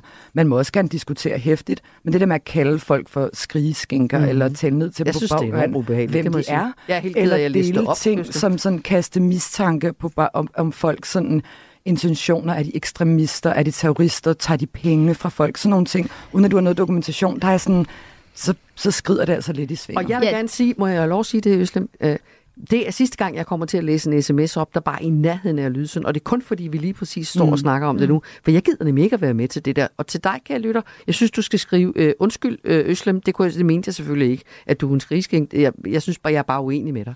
Jamen, jeg, synes, jeg synes jo, at han mere skal skrive det, han er uenig med mig. Mm. Altså, og det har jeg ikke et problem med. Jeg synes godt, man må, debatten må gerne være hård og kontant. og vred også. Øh, ja, altså Endelig. det er mere det der med, når det bliver så personligt. Mhm. Øh, og, og folk, øh, altså jeg har jo hemmelig adresse, jeg har jo øh, i mange år øh, virkelig gjort noget for også at passe på min egen familie. Jeg har vundet sager, hvor folk øh, har troet øh, og meget detaljeret beskrevet, hvordan de vil voldtage min 13-årige datter. Mm. Altså, så jeg betaler en utrolig høj ja. pris for at være en del af den offentlige debat, og derfor Maja, det bliver du nødt til at hjælpe mig med. Jeg kunne også, jeg synes som minimum, Jeg har tre minutter. Nej, jeg som har to minimum, Mhm. så må folk også stå til ansvar. Hvordan finder jeg ud af, om folk er trolde? Har du nogle konkrete eksempler på, at hvad er det, man skal kigge efter, hvis man skal blokere de der trolde? Jamen man kan sige, altså trolde generelt er jo nogen, der ligesom engagerer sig med dig i ond tro. Altså fordi det er jo fair nok, hvis folk har spørgsmål, eller de har kritik, eller de er uenige. Men du kan som regel lære at genkende, at der er nogle bestemte måder, de prøver at afspore. Nå, men hvad med det her, i stedet for det, som du gerne vil snakke om? Eller at man Nå, det ligesom... var forkert stillet spørgsmål. Hvordan opdager jeg falske profiler? Hvordan ved jeg, at der- det er en, en, der ikke står bag, men har bare oprettet den her profil, Mm. mm. bare for at sabotere samtale? Altså der kan du som regel se det både på brugernavnet, hvis der ikke er, altså hvis der ikke er noget billede, hvis der ikke er nogen særlig aktivitet på profilen øh, i forvejen, øhm, og de har et eller andet mærkeligt brugernavn. Det er som regel, dem kan du sådan godt sortere fra. Men Maja, må jeg ikke også nå at spørge dig? Så kan vi måske også, øh, du kan få en lille håndbogslektion øh, lektion af Maja øh, Kalke Lorentzen, her, når vi er færdige. Øslem. Jeg vil bare lige nå at spørge dig, inden vi slutter for programmet i dag. Skal vi så alle sammen forlade de sociale medier? Altså, hvad skal, hopper du over? Du hopper over nogle andre medier, eller du mm. bliver, det, det, det er X, du forlader? Det er kun X, jeg forlader. Ja. Og, og jeg har også været meget skeptisk over for dengang Elon Musk overtog det, fordi han har også fjernet rigtig mange af moderatorerne, og det er også derfor, der er rigtig mange bots og inautentiske konti, og der er rigtig mange hadfulde ting, der ikke bliver fjernet. Han jo Men er det bedre de andre steder, hvor du også er? Det synes jeg. Problemet er så, jeg er meget på Instagram især. Jeg har selv øh, en server på det, der hedder Mastodon, som er et brugerdrevet social medie, hvor der er enormt rart. Mm-hmm. Det er lidt svært at finde ud af for folk, der ikke er så tekniske. Så har jeg også afbrudt det, der hedder Threads, som også er fra Meta, altså dem, der har Facebook og LinkedIn. Mhm. Øh, problemet er, at Threads og Instagram og Facebook også på sigt, de vil nu fjerne øh, politik fra deres algoritmiske feed. Øhm, så, så hvis man er sådan en, der godt kan lide politik, mm. altså alt det, jeg beskæftiger er med, er jo virkelig en politisk. ting. Ja, det er en rigtig dårlig ting. Mm. Det er virkelig, øh, og, og vi burde snakke meget mere om det i danske medier. Men de vil fjerne det fra deres algoritmer, fordi de har fået så meget kritik for ikke at moderere hadefuldt indhold ordentligt, så fjerner de bare det hele. Okay. Og det vil jo drukne rigtig mange vigtige stemmer. Så, så derfor er jeg sådan lidt, jeg leder efter mit nye internet hjem lige nu. Jeg prøver nogle forskellige ting. Okay, vi ringer til dig og hører, hvad du har fundet ud af. Jeg tror, der er andre, der har det ligesom dig. Tak skal du have, fordi du kom. Maja Galke Ja, Lorentzen, ekspert i internetkultur, så meget. Og farvel til X. Øslen, vi når ikke mere. Øh, det var, hvad vi nåede i dag. Øh, vi er tilbage igen i morgen, men tusind, tusind tak, fordi du havde lyst til at være en skrigeskinke her i mit program. Jeg elsker den skrigeskinke. Du har lyttet til en podcast fra Radio 4. Find flere episoder i vores app, eller der, hvor du lytter til podcast.